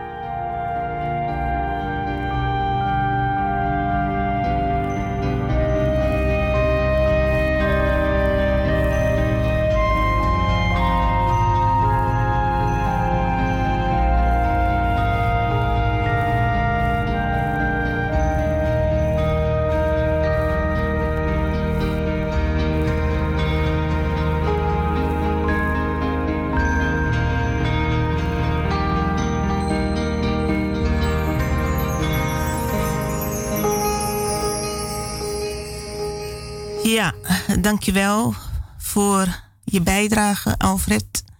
En ehm, ja, het zet tot nadenken. Ik vind het toch heel goed om ook van de kant van de Nederlanders te horen. Want heel vaak wordt ook aangegeven van in verband met de witte privileges, alles wordt over één kam geschoren, zeg je. En niet bij nagedacht dat er hier ook armoede is geweest dat een groot deel van het volk ook niet op de hoogte was. En nog steeds niet, inderdaad. Omtrent het koloniale slavernijverleden. Dit heeft te maken met de politiek die verzuimd heeft. Om dat op de scholen, het onderwijs mee te geven aan de kinderen. Dus daarom is het nog extra hard werken om dat door te geven. Maar dat mensen zich bewust zijn van als men wat roept, dat je niet iedereen de schuld kan geven voor wat er gebeurd is uh, in verband met koloniaal slavernij verleden. Want er zijn ook genoeg Nederlanders die hun ondersteuning bieden, die uh, informatie zich openstellen voor informatie en ook vragen wat ze kunnen betekenen. Zo iemand heb ik ook ontmoet op de tentoonstelling die naar mij toe kwam en mijn verhaal wilde horen. En daar of mijn verhaal, maar wat ik te zeggen had. En uh, daar ook een artikel over geschreven heeft, ondanks dat zij uh, helemaal geen verbinding heeft met Suriname. Dus daarom zeg ik van, mensen moeten daar ook op letten. Je kunt niet iedereen gaan uitschelden van de witte man dit, de witte man dat. Dat, dat kan niet. Want ook bij de zwarte mens of bij de bruine mens of de gele mens, die zitten ook vol fouten. Dus het is belangrijk om goed na te denken voordat men het over de zwarte en de witte mens heeft. De, de witte mens bestaat niet, heb ik al eens gezegd. Maar, uh, dus daarom vind ik het ook belangrijk dat er van hieruit ook door wordt gegeven dat mensen, dat mensen bewust worden wat ze gaan roepen en schreeuwen. Je kunt niet iedereen een vinger wijzen. De vinger moet ook terug naar jezelf. Goed, ik hoor dat meneer Sabayo er weer is. Bent u nogmaals? Uh... Ja, ik hoop het dat uh, zondagmiddag nog de laatste keer mijn stem laten horen via Radio Surimama.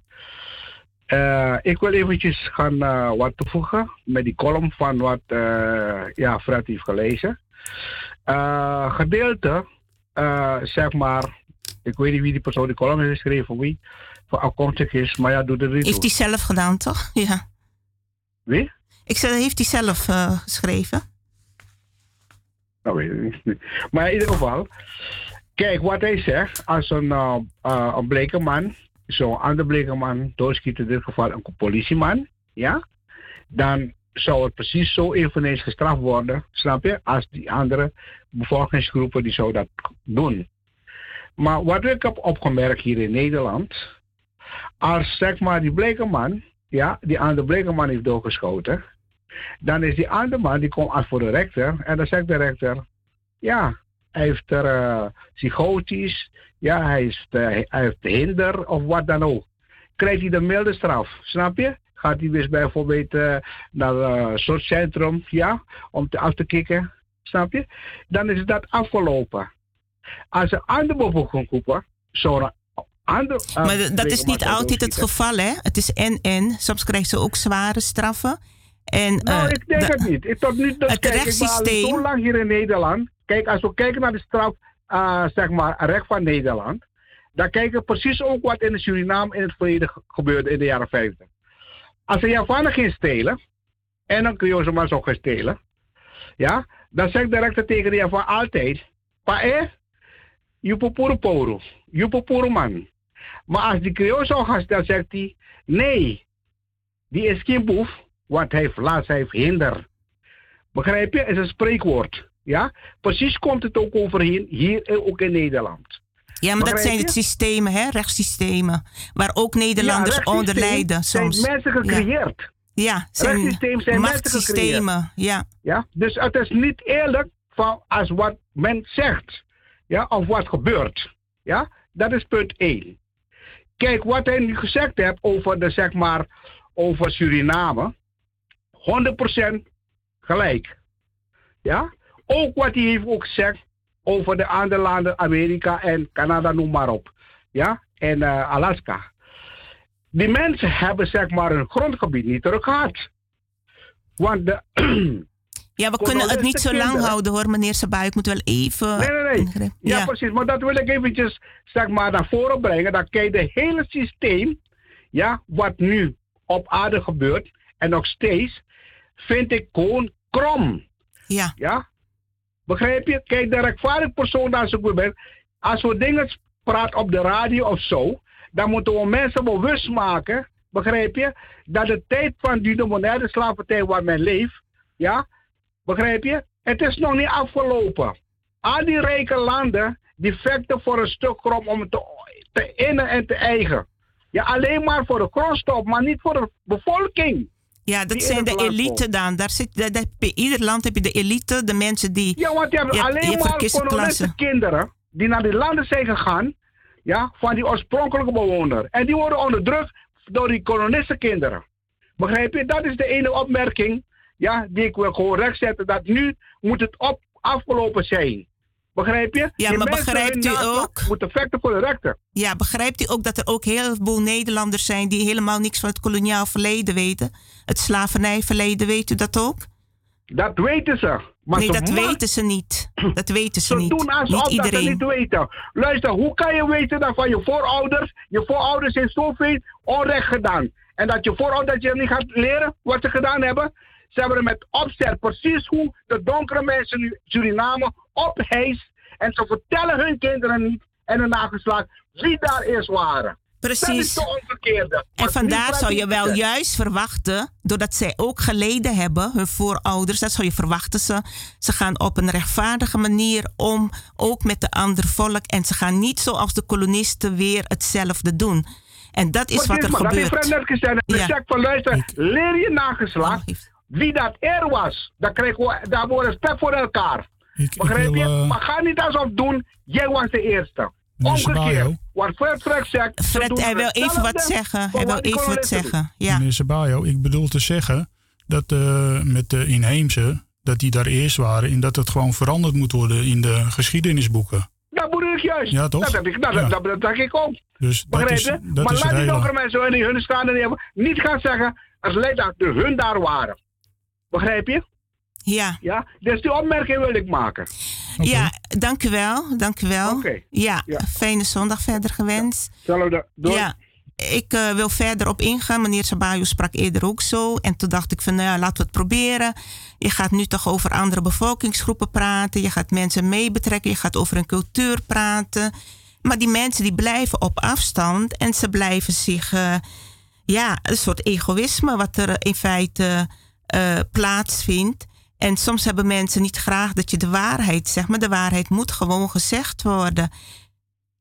En uh, dus bij deze wil ik dat aangeven. Ik wil ook even vertellen dat waarom worden de oorspronkelijke bewoners van Noord- en Zuid-Amerika inheemse genoemd en het continent van het continent Europa gewoon Europeanen, van het continent Afrika gewoon Afrikanen en alleen Noord- en Zuid-Amerika praat men niet over de Noord- en Zuid-Amerikanen. Dat is toch eigenlijk een beetje vreemd, hè?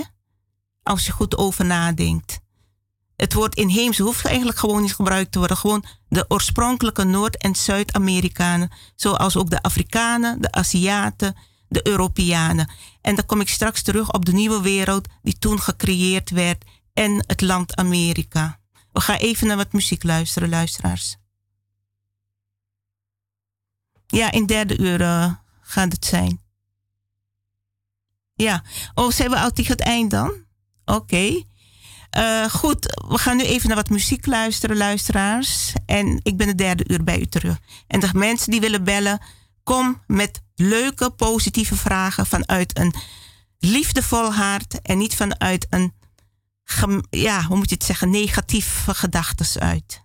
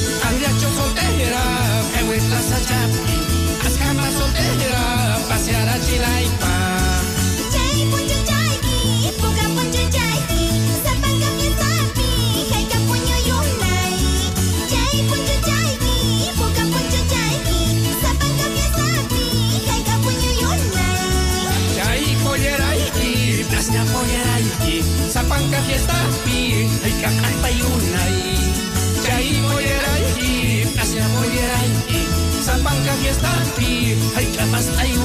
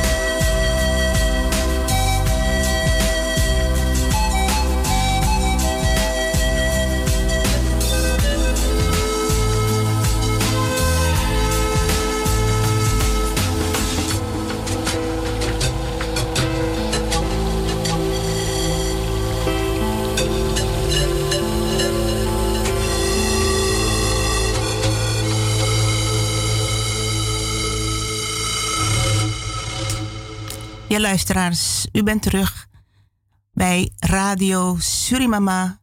Vandaag zondag 5 juni 2020. Toen we hier naartoe reden was het echt storm. Ik weet niet of het nu inmiddels weer wat rustiger is. En ehm, ja, we zitten midden in de coronatijd. Het is een wereldwijd gebeuren. Een wereldwijd ramp waar eigenlijk iedereen mee te maken heeft, elk land. En wanneer dit hier een einde aan, einde aan komt, weten we niet. Weet niemand eigenlijk. De een beweert dat het iets is dat zelf gecreëerd is met bepaalde bedoelingen. En de ander die bekijkt het spiritueel. Je kunt van diverse kanten uit bekijken. Maar als je zo om je heen kijkt, zeg maar het openbaar vervoer, bepaalde ruimtes waar mensen een mondkapje, mondneuskapje op moeten hebben, dan ziet het er wel een beetje vreemd uit. En eigenlijk zouden wij mensen daarbij stil moeten staan. Van dit is eigenlijk niet normaal.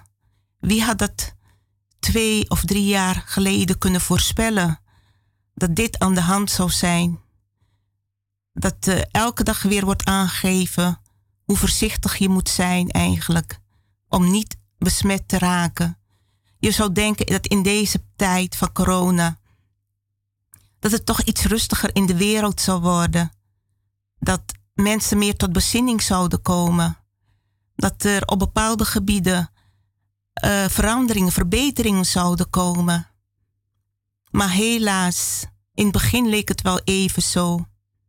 Maar helaas is dat tegenovergesteld, tenminste tegengestelde, dat is niet het geval. We worden elke dag weer geconfronteerd. Hoeveel doden hier, mensen hier aan doodgaan aan het virus. Hoeveel mensen besmet raken. En het gaat maar door. Eigenlijk sta je als het ware machteloos tegenover. Maar daarnaast ook de verwarring die het teweeg brengt. Dat, dat heeft ook natuurlijk invloed op de mens. En ik las een artikel dat ook vooral invloed heeft op vele jongeren. Want het is iets dat eigenlijk plotseling binnenkwam en aanpassing van leven vroeg voor iedereen. Je doet het wel omdat het je gevraagd wordt, maar in feite is er iets aan de hand. Het, het zal altijd doorwerken op de psyche van de mens. En dat heeft zich ook bewezen. Dus niet alleen maar economische problemen of uh, hoe noem je dat, sociale problemen. Maar ook psychische problemen heeft het bij de mens teweeggebracht. Heel veel jongeren blijken nu nog eenzamer te zijn of zich alleen te voelen. En ouderen niet te vergeten, hè? De, de groep, doelgroep ouderen. Ik weet ook, ik heb begrepen dat heel veel ouderen ook naar radio Surimama luisteren. En dat is goed om te weten. Ik ga de komende tijd ook meer mijn programma's daaraan een beetje aan aanpassen. Want de mensen geven positieve reacties. Ze graag luisteren. En u weet het, luisteraars. Soms moeten dingen gezegd worden wat weer emoties opwekt. Maar ik zit hier. Ik kan, ik kan ook voor andere onderwerpen. Uh, hoe noem je dat? Uh, andere onderwerpen uitkiezen die in feite, uh, ja, alledaagse dingen, ditjes en datjes. En mensen zullen daar ook behoefte aan hebben. Maar ja, op allerlei manieren kan men ook toch ontspanning vinden. Mooie film kijken. Film wat je zelf mooi vindt. Als je dat op televisie niet altijd even leuk vindt.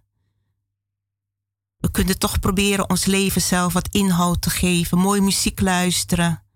Niet altijd naar dezelfde radiozenders luisteren door de week, maar gewoon je eigen wereldje creëren. Want anders blijf je altijd in de energie van die ander.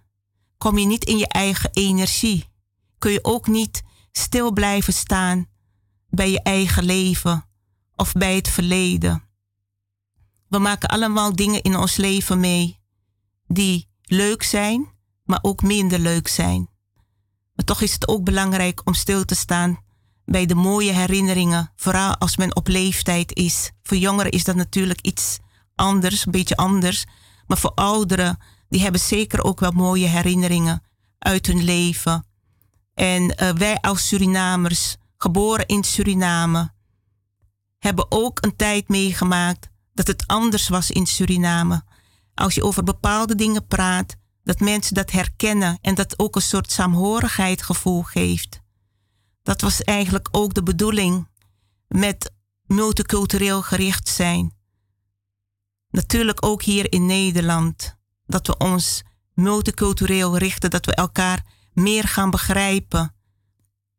En ook vragen gaan stellen. En ook eerlijk gaan zijn. En dat altijd hebben over. Ik moet eerlijk zijn ook van ik heb leuke dingen met Nederlandse mensen tijdens mijn werk meegemaakt, tijdens mijn loopbaan, maar ook minder leuke dingen. Maar de leuke dingen, daar hou ik ook aan vast. Want ik heb hele leuke collega's gehad. Goede referenties in mijn werk met kinderen, met ouderen. En daar kijk ik ook op terug. Als het soms niet gaat met de radio, dan denk ik van ja, volwassenen met volwassenen werken of iets betekenen, dat is een hele moeilijke doelgroep. Kinderen zijn zo spontaan, zijn eerlijk, zijn uh, onbezonnen. Die, die luisteren naar je stem, die reageren op hun gevoel, hun intuïtie en daar gaan ze op af. Er is geen sprake van jaloezie, van afgunst, van haat. Nee, tijdens mijn werk met kinderen merkte ik dat niet. Het was gewoon leuk werk. Als ze jou vertrouwen, als ze weten dat je het goed met hun bedoelt, dan uiten ze ook hun waardering. Als ze kindje houden en de andere collega wist niet mee om te gaan, dan werd ik erbij geroepen: wil jij het kindje misschien weer misschien met het kindje praten? Dat die wat rustiger wordt. En dat is niet om op te scheppen, maar dat zijn mooie herinneringen waar ik aan vasthoud. Ook met ouderen. Ik ben ook niet zo jong meer, maar goed, ik heb ook gewerkt met ouderen. En er was, waren altijd leuke gesprekken wat ik met ouderen had. Was altijd rustgevend en uh, ook altijd uh, waardering eigenlijk had. En uh, ja, als het goede collega's tenminste, als, als er een team was waar mensen positief waren, elkaar naar boven houden, elkaar waardeerden dan was het altijd goede energie aanwezig, goede sfeer. En ook leidinggevenden die jou waardeerden, die gaven dat ook aan als je wegging. Dank je wel, je hebt hier aan bijgedragen. Ondanks jouw functie heb je verder gekeken. Heb je ons toch wat meer inzicht in bepaalde dingen gegeven. Dus dat zijn dingen waar ik zijn de grootste geschenken die je in je leven kunt hebben. Geld, al die dingen, dat zegt mij niet zoveel. Maar de mooie geschenken zijn de waarderingen die je van mensen krijgt tijdens je leven en tijdens je werk. Want ook je privéleven is belangrijk. Bij mijn kind, bij mijn, uh, mijn, ik heb één kind, ik ben moeder. Maar er kwamen altijd kinderen van diverse nationaliteiten thuis. Ik zei nooit van je mag dat kind niet meenemen, want die is donker of die is Nederlandse of die is. Uh, hè? Nee. Mijn kind is multicultureel opgevoed en hij verprofijt vandaag aan. In feite, als ik gesprekken met hem heb, dan zeg ik van, goh, daar ben ik echt dankbaar voor dat ik jou zo opgevoed heb. Dat je niet met bepaalde, ja, hij kan soms misschien wel even beïnvloed worden van de andere kant uit, maar hij weet hoe ik hem opgevoed heb. Als ik die kinderen later tegenkom, die vrienden van hem, zegt hij altijd tegen mij ook van. Ja, ik kwam die en die, ik ben die en die tegengekomen, mama. Maar ze vragen altijd naar je. Ze vragen altijd hoe het met je gaat. Ze hebben leuke herinneringen aan toen ze thuis bij me kwamen, die vriendjes en vriendinnetjes.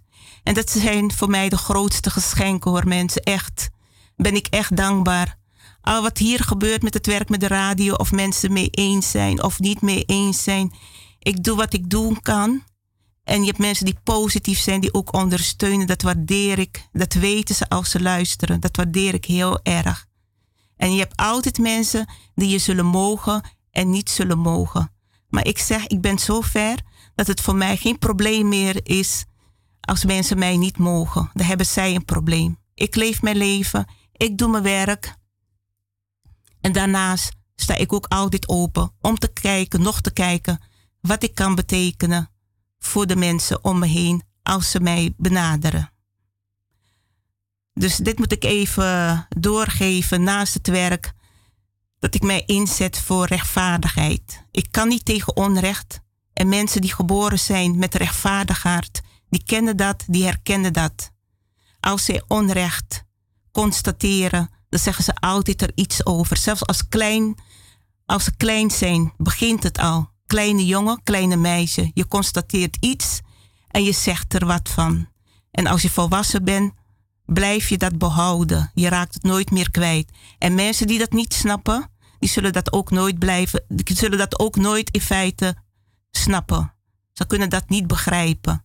Er zijn mensen die hier op deze wereld zijn, ongeacht hun kleur, ongeacht hun afkomst, ongeacht hun ras of wat dan ook Zij zijn met een rechtvaardig hart geboren. En als men elkaar tegenkomt, dan begrijp je elkaar.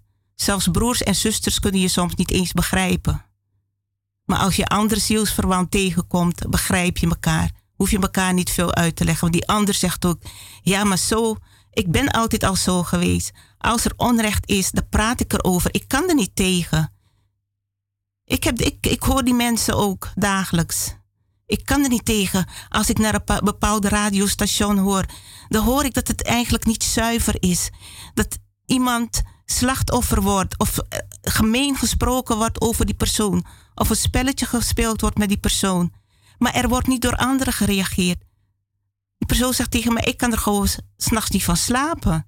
Hoe de mens in elkaar is. Hoe lelijk sommige mensen van binnen zijn. Dat kan men niet begrijpen. Maar goed, uh, dat, ik bedoel, we leven in een wereld. Het zal zich altijd zo voort blijven doen, denk ik. En de mensen die eerlijk zijn, die hebben het misschien iets moeilijker. Die worden niet begrepen. Ik ga niet zeggen dat de mensen die eerlijk zijn, dat ze uh, hoe is het, perfect zijn of wat dan ook. Maar het is iets wat je meekrijgt bij je geboorte en dat je je hele leven meedraagt. Dus uh, ja, ik hoor dat we een beller hebben. Goedemiddag. Welkom in de uitzending. Ja, goedemiddag mevrouw. Je spreekt met Urik McDonald. Goedemiddag, meneer. Ja. U wilt wat aan toevoegen? ja, ik belde omdat uh, in uw vorige uh, uitzending hoorde ik jullie naam noemen van mevrouw Bigman tijdens die 1 juli herdenking. Weer het over de inheemse, dat ze niet erbij betrokken worden, et cetera. maar als mevrouw Bigman die ene Indiaanse uh, mevrouw niet meegenomen had, dan was er nooit een, een, een, iets van Indianen op die herdenking geweest. Die hele herdenking die, is, die ligt bij het Mensee. Mensee alleen bepaald. U heeft ook niet gezien dat. Meneer, ik heb het nu niet meer over dit. Ik heb het over een ander onderwerp. Alsjeblieft hoor. Ik ga gewoon even. Want u, u komt nu in de energie waarin ik zit. En dat is, al, dat is het eerste en tweede uur, dus ik ga uw vraag niet beantwoorden, sorry. Ja? Neemt u mij niet kwalijk. Ik moet echt strikt zijn, want ik laat bepaalde dingen niet meer gebeuren. Ja, sorry, ik heb u gehoord. We gaan daar niet over praten meer, meneer. Ja? ik heb het over een ander onderwerp. Weet, wat u zegt. Ja, ik weet wat ik zeg. Ik onderbouw dat ook. ik weet ook waar ik over praat. Ja? U gaat door. Weg. Ja. Oh, ja. Sorry hoor, maar uh, ik heb het nu over een ander onderwerp. En mensen konden reageren. Hebben ze niet gedaan. Meneer Sabayo zelf heeft drie keer gebeld. En als mij ook had gebeld, kon mensen een reactie geven. Maar ik ben gewoon strikt of mensen het nou leuk vinden of niet leuk. Ik bel ook niet naar andere radiozenders. Ik krijg ook niet de gelegenheid. Of tenminste, ik zal het ook niet doen. Maar ik zei, ik heb ook nog gevraagd hou je nu gewoon bij het onderwerp waar ik het over heb. En als mensen daartussen komen, dan ga ik je u. Sorry, het kan niet, want ik zit nu met dit onderwerp en ik wil dat niet ontkrachten. Ik wil wel in die energie van blijven. En ik ben altijd bereid om te praten, maar als mensen daarna komen en niet kunnen, goed kunnen luisteren, ja, dan sorry hoor. Goed, we gaan nu even naar wat muziek luisteren, luisteraars.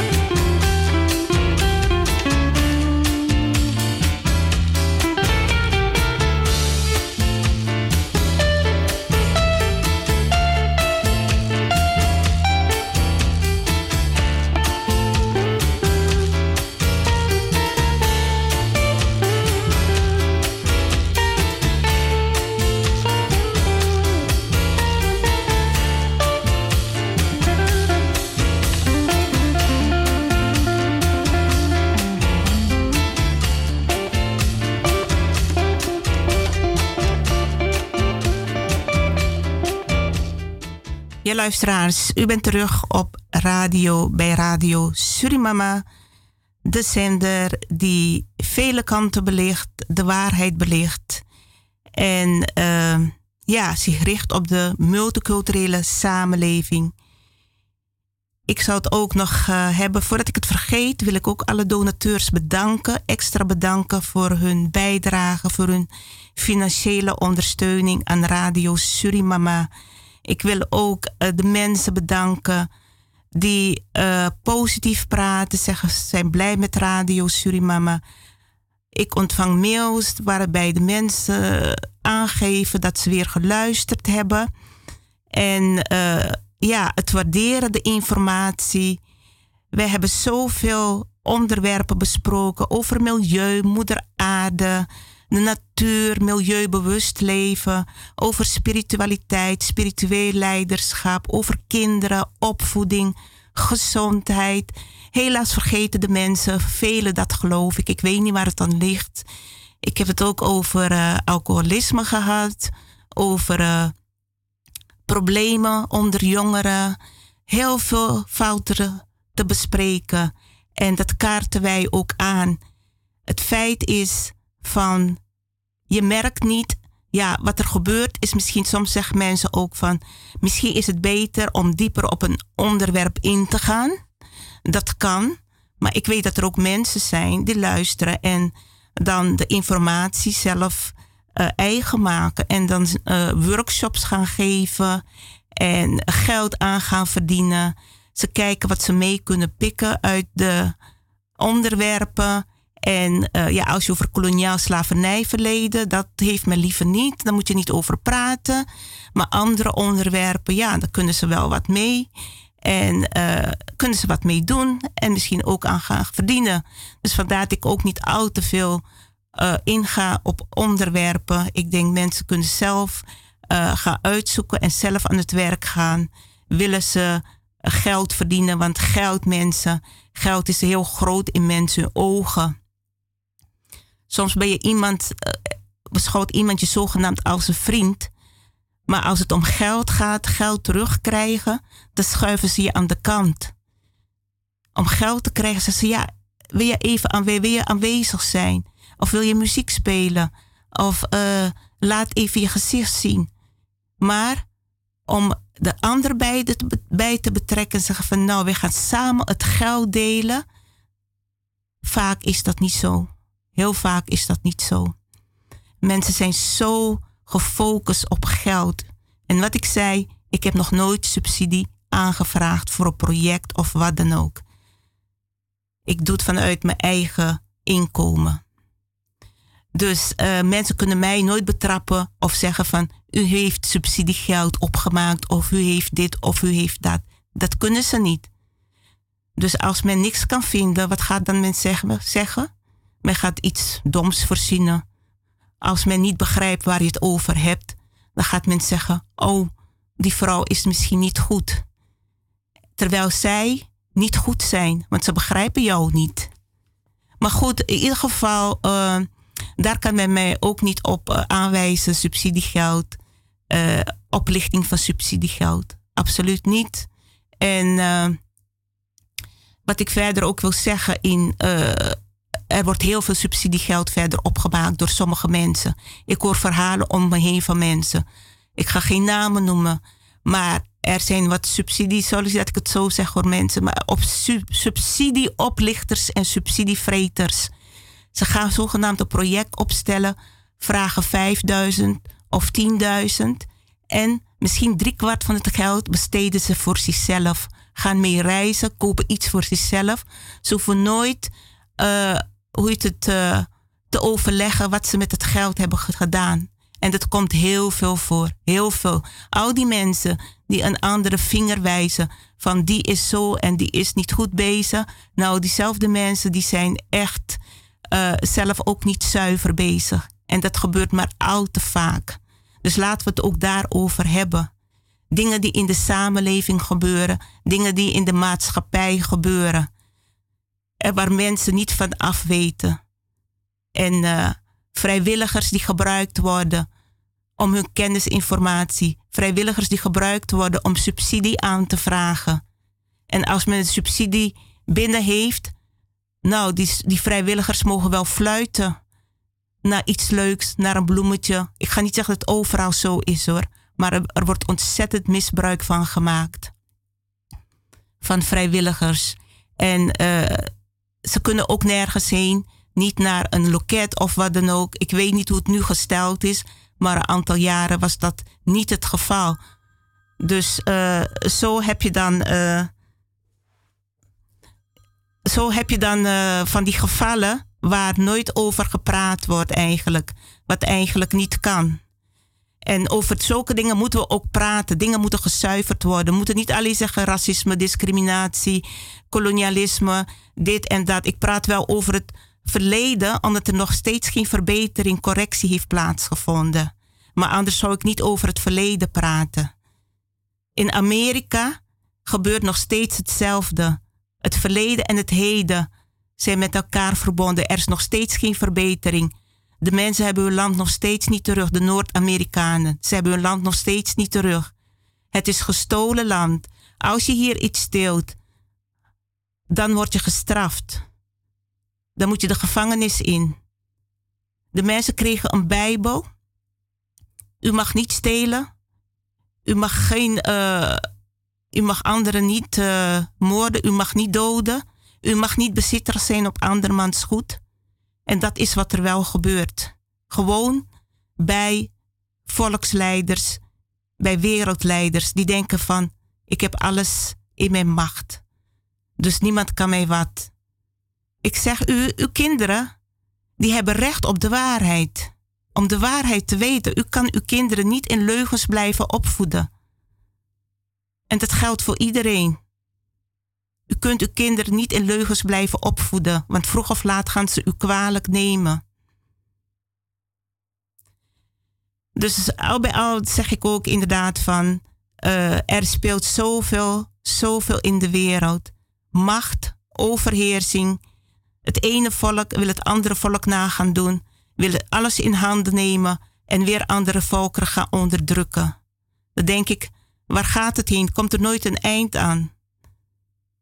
Kerken, waar zijn de kerken gebleven? Heel veel mensen geloven niet meer uh, in hun religie of in het, uh, gaan niet meer naar de kerk. Ze zijn het geloof kwijtgeraakt. Of ja, eigenlijk heeft het coronavirus ook heel veel teweeg gebracht. Heel veel teweeg gebracht. Heel veel dingen, bijeenkomsten, activiteiten. Mensen die dachten van, ja, ik heb geld en ik organiseer dit en ik organiseer dat. Heel veel is platgelegd door het coronavirus. Mensen kunnen nergens heen die altijd zo geweldig naar buiten deden.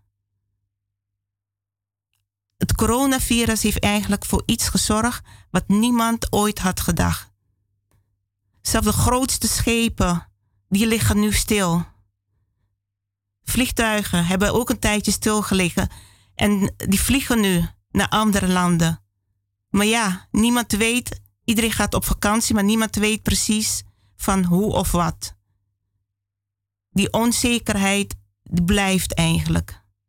Dus dan zou je inderdaad denken van, goh, de mens wordt op zichzelf teruggeworpen. De mens wordt op zichzelf teruggeworpen om tot bezinning te komen, om na te denken over de dingen in het leven, om te veranderen, om niet steeds maar op geld te focussen of anderen kapot te maken maar een beter leven te gaan leiden. En we hebben natuurlijk allemaal onze fouten. Niemand is perfect. Maar de een doet het wel beter dan de ander. En de een is ook gewillig om het beter te doen dan de ander. Of dan eh, moet zeggen, niet dan de ander, maar gewoon beter te doen in zijn leven. Maar als je ziet hoe een wedstrijd nog wordt gespeeld tussen bepaalde mensen en bepaalde volkeren en rassen, dan denk je van, ik, is er nog wel hoop? Ik, ik noemde aan het begin over het continent Atlantis. Sommige mensen hebben wel daarvan gehoord. Atlantis, een prachtige continent, mooi leven. Iedereen was tevreden. Gerechtigheid, gelijkheid. Niemand kwam tekort. Maar op een gegeven moment ging macht weer een rol spelen. Ja, En dat zorgde voor vernietiging van het continent. En ik ben geen waarzegster of helderziende. Ja, ik krijg wel dingen door.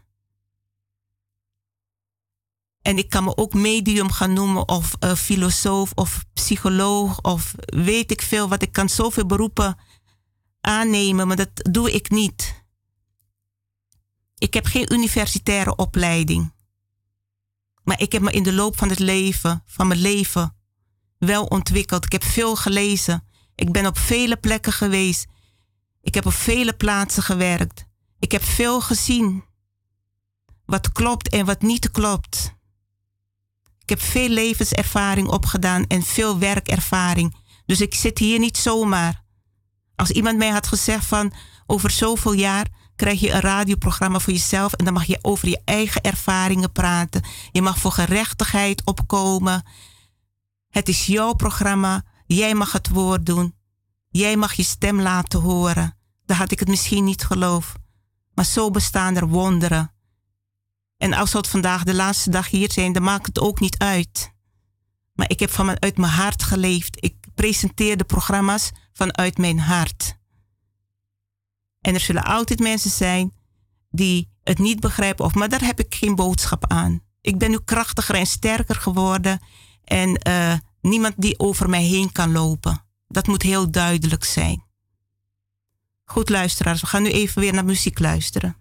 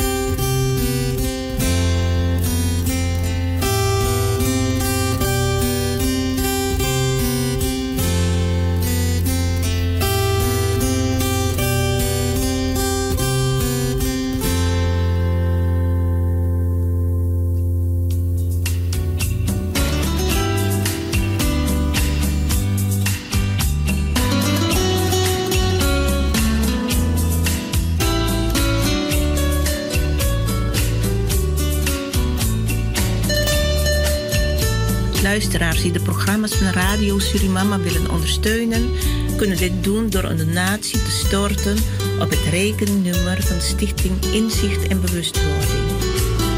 Het rekeningnummer is IBAN NL 94 INGB 0007 845337 NL 94 INGB 0007 845337. Uw donatie is welkom en alvast hartelijk dank ervoor.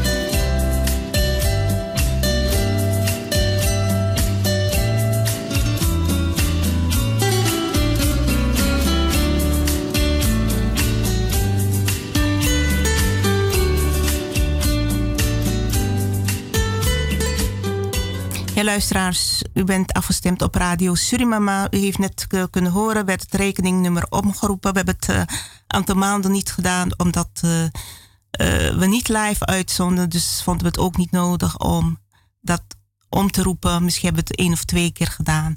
Maar in ieder geval, als er iets is, dan is het wel prettig dat er nou, laat me het zo zeggen, er, is niet, er wordt niet echt veel gedoneerd hoor. Maar alle beetjes helpen. En dat weet ik ook. Mensen die het waarderen en die zeggen van... Wij willen Radio Surimama uh, toch ook een financiële bijdrage... Uh, met de financiële bijdrage ondersteunen. Dan is dat welkom. Maar doe het vooral vanuit uw hart. En niet vanuit een soort verplichting of wat dan ook. Want uh, ik bedoel, alle beetjes helpen. En, maar het is niet zo dat geld boven alles staat bij ons. Dat weet u ook, want anders was ik al lang gestopt met het radiowerk. Ja, um, ja, ik heb ooit een mooi verhaal gelezen over olifanten. Want uh, ja, dat zijn ook uh, wezens die op onze planeet leefden, leven. En uh, ja, prachtige dieren dieren kunnen heel wat ook voor de mens betekenen. En in dit verhaal komt dat ook voor. Maar je hebt ook mensen die zeggen nou, ik vertrouw eerder dieren dan mensen, want de mens is niet te vertrouwen. Een dier is in feite in ieder geval trouw. Of een dier als gezelschap. Dat mensen zich dan niet zo eenzaam of alleen voelen. En hier in Nederland Iedereen weet het. Uh, ja, dieren zijn, uh, worden toch heel goed behandeld. Laat me het zo zeggen. Je hebt natuurlijk ook een groep mensen, als je soms leest van dat dieren mishandeld zijn of vrede dingen mee zijn uitgehaald, dat komt ook voor. Maar over het algemeen hebben dieren hier, huisdieren sowieso, een goed leven bij hun uh, bij de mensen die ze hebben als huisdier. Ik, wou zeggen bij hun baas, maar dat vind ik ook niet terecht. Want een, uh, er moet ook wel respectvol omgegaan worden met dieren. Ook met honden, dat zie je soms wel dat uh, mensen die een hond hebben, die zeggen van, wel doe wat je baas zegt, hè. En ja, de hond wordt zo getraind naar wat de baas of uh, hen, de persoon die het heeft, uh, hoe die het eigenlijk wil. Opdrachten geven aan die hond of noem maar op. Maar daarnaast heb je ook mensen die misschien, iedereen moet voor zichzelf weten hoor, die uh, hun hond of kat als een kind behandelen. En dat, het kan ook weer heel ver gaan. Maar goed, al bij al worden dieren over het algemeen hier in Nederland goed behandeld.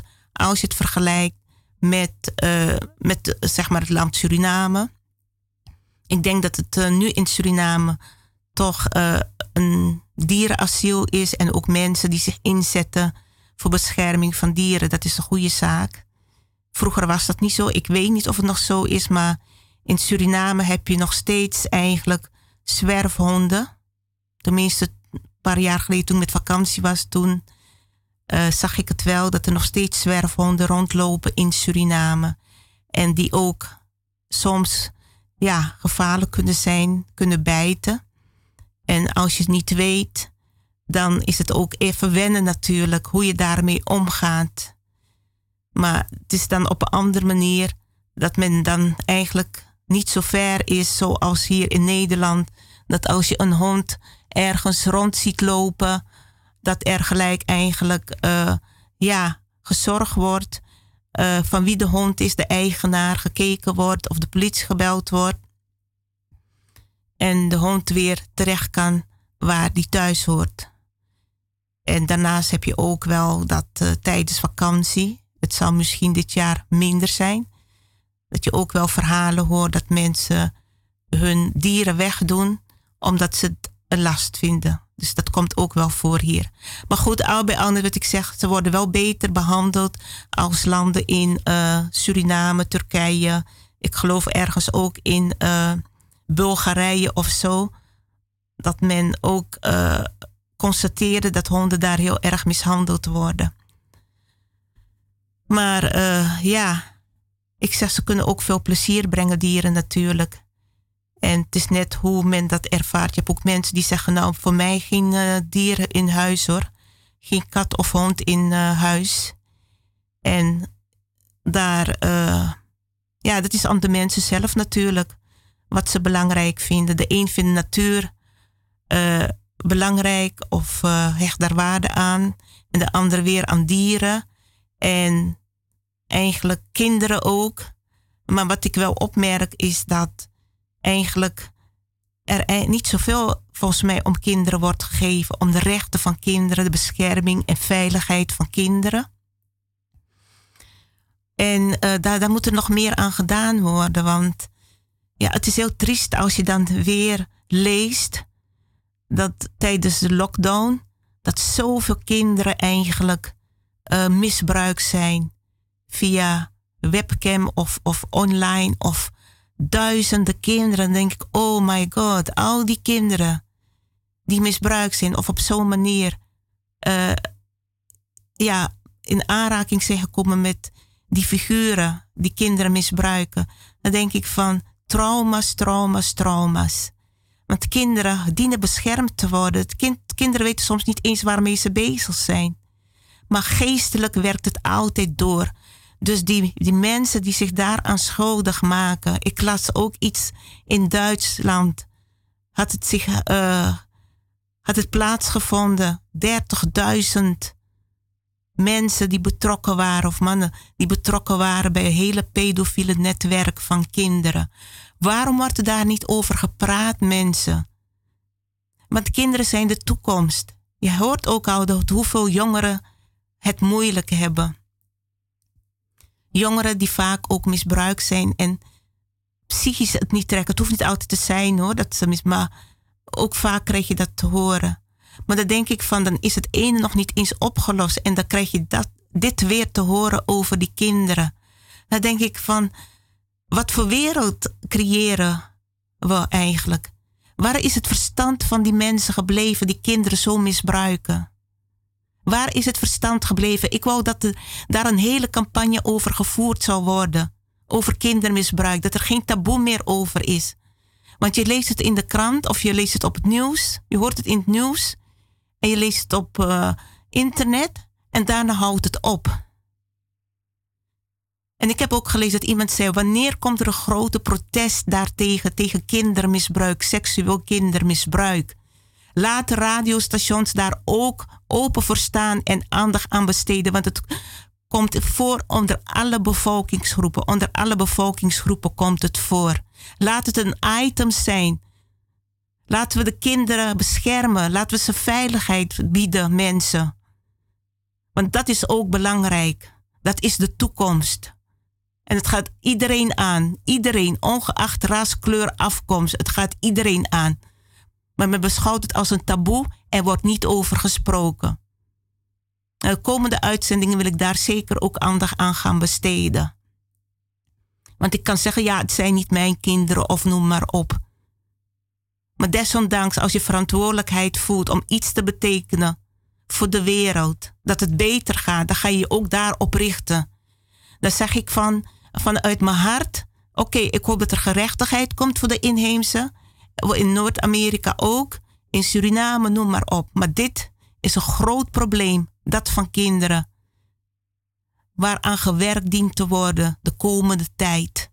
Daar horen alle volksleiders, alle wereldleiders, alle leidinggevenden, alle media, Nederlandse media, de politiek hoort daar aandacht aan te besteden. Aan de veiligheid en bescherming van kinderen. Ik hoop dat het goed overkomt. Want daarom ben ik blij als ik een stem heb om zulke dingen ook. Dat je leest en dat je zegt: dit ga ik naar buiten brengen. Dit is belangrijk. Hier dient aan gewerkt te worden. En dienen anderen ook aan te werken, want het is ook hun verantwoordelijkheid. Alsjeblieft, laat het slavernijgedoe nu met rust en ga aan het werk voor de kinderen. Ga kijken waar er sprake is van seksueel misbruik. En help de kinderen. De kinderen hebben ons hulp nodig. Ze kunnen het niet zelf, mensen. Ouders, ze kunnen het niet zelf. Volwassenen, de kinderen kunnen het niet zelf. Wij moeten ze helpen. En als u iets constateert wat niet goed is, breng het naar buiten, zeg er wat over en draai uw gezicht niet voor. In het belang van alle kinderen wereldwijd. Goed luisteren, we gaan nu even naar de muziek luisteren.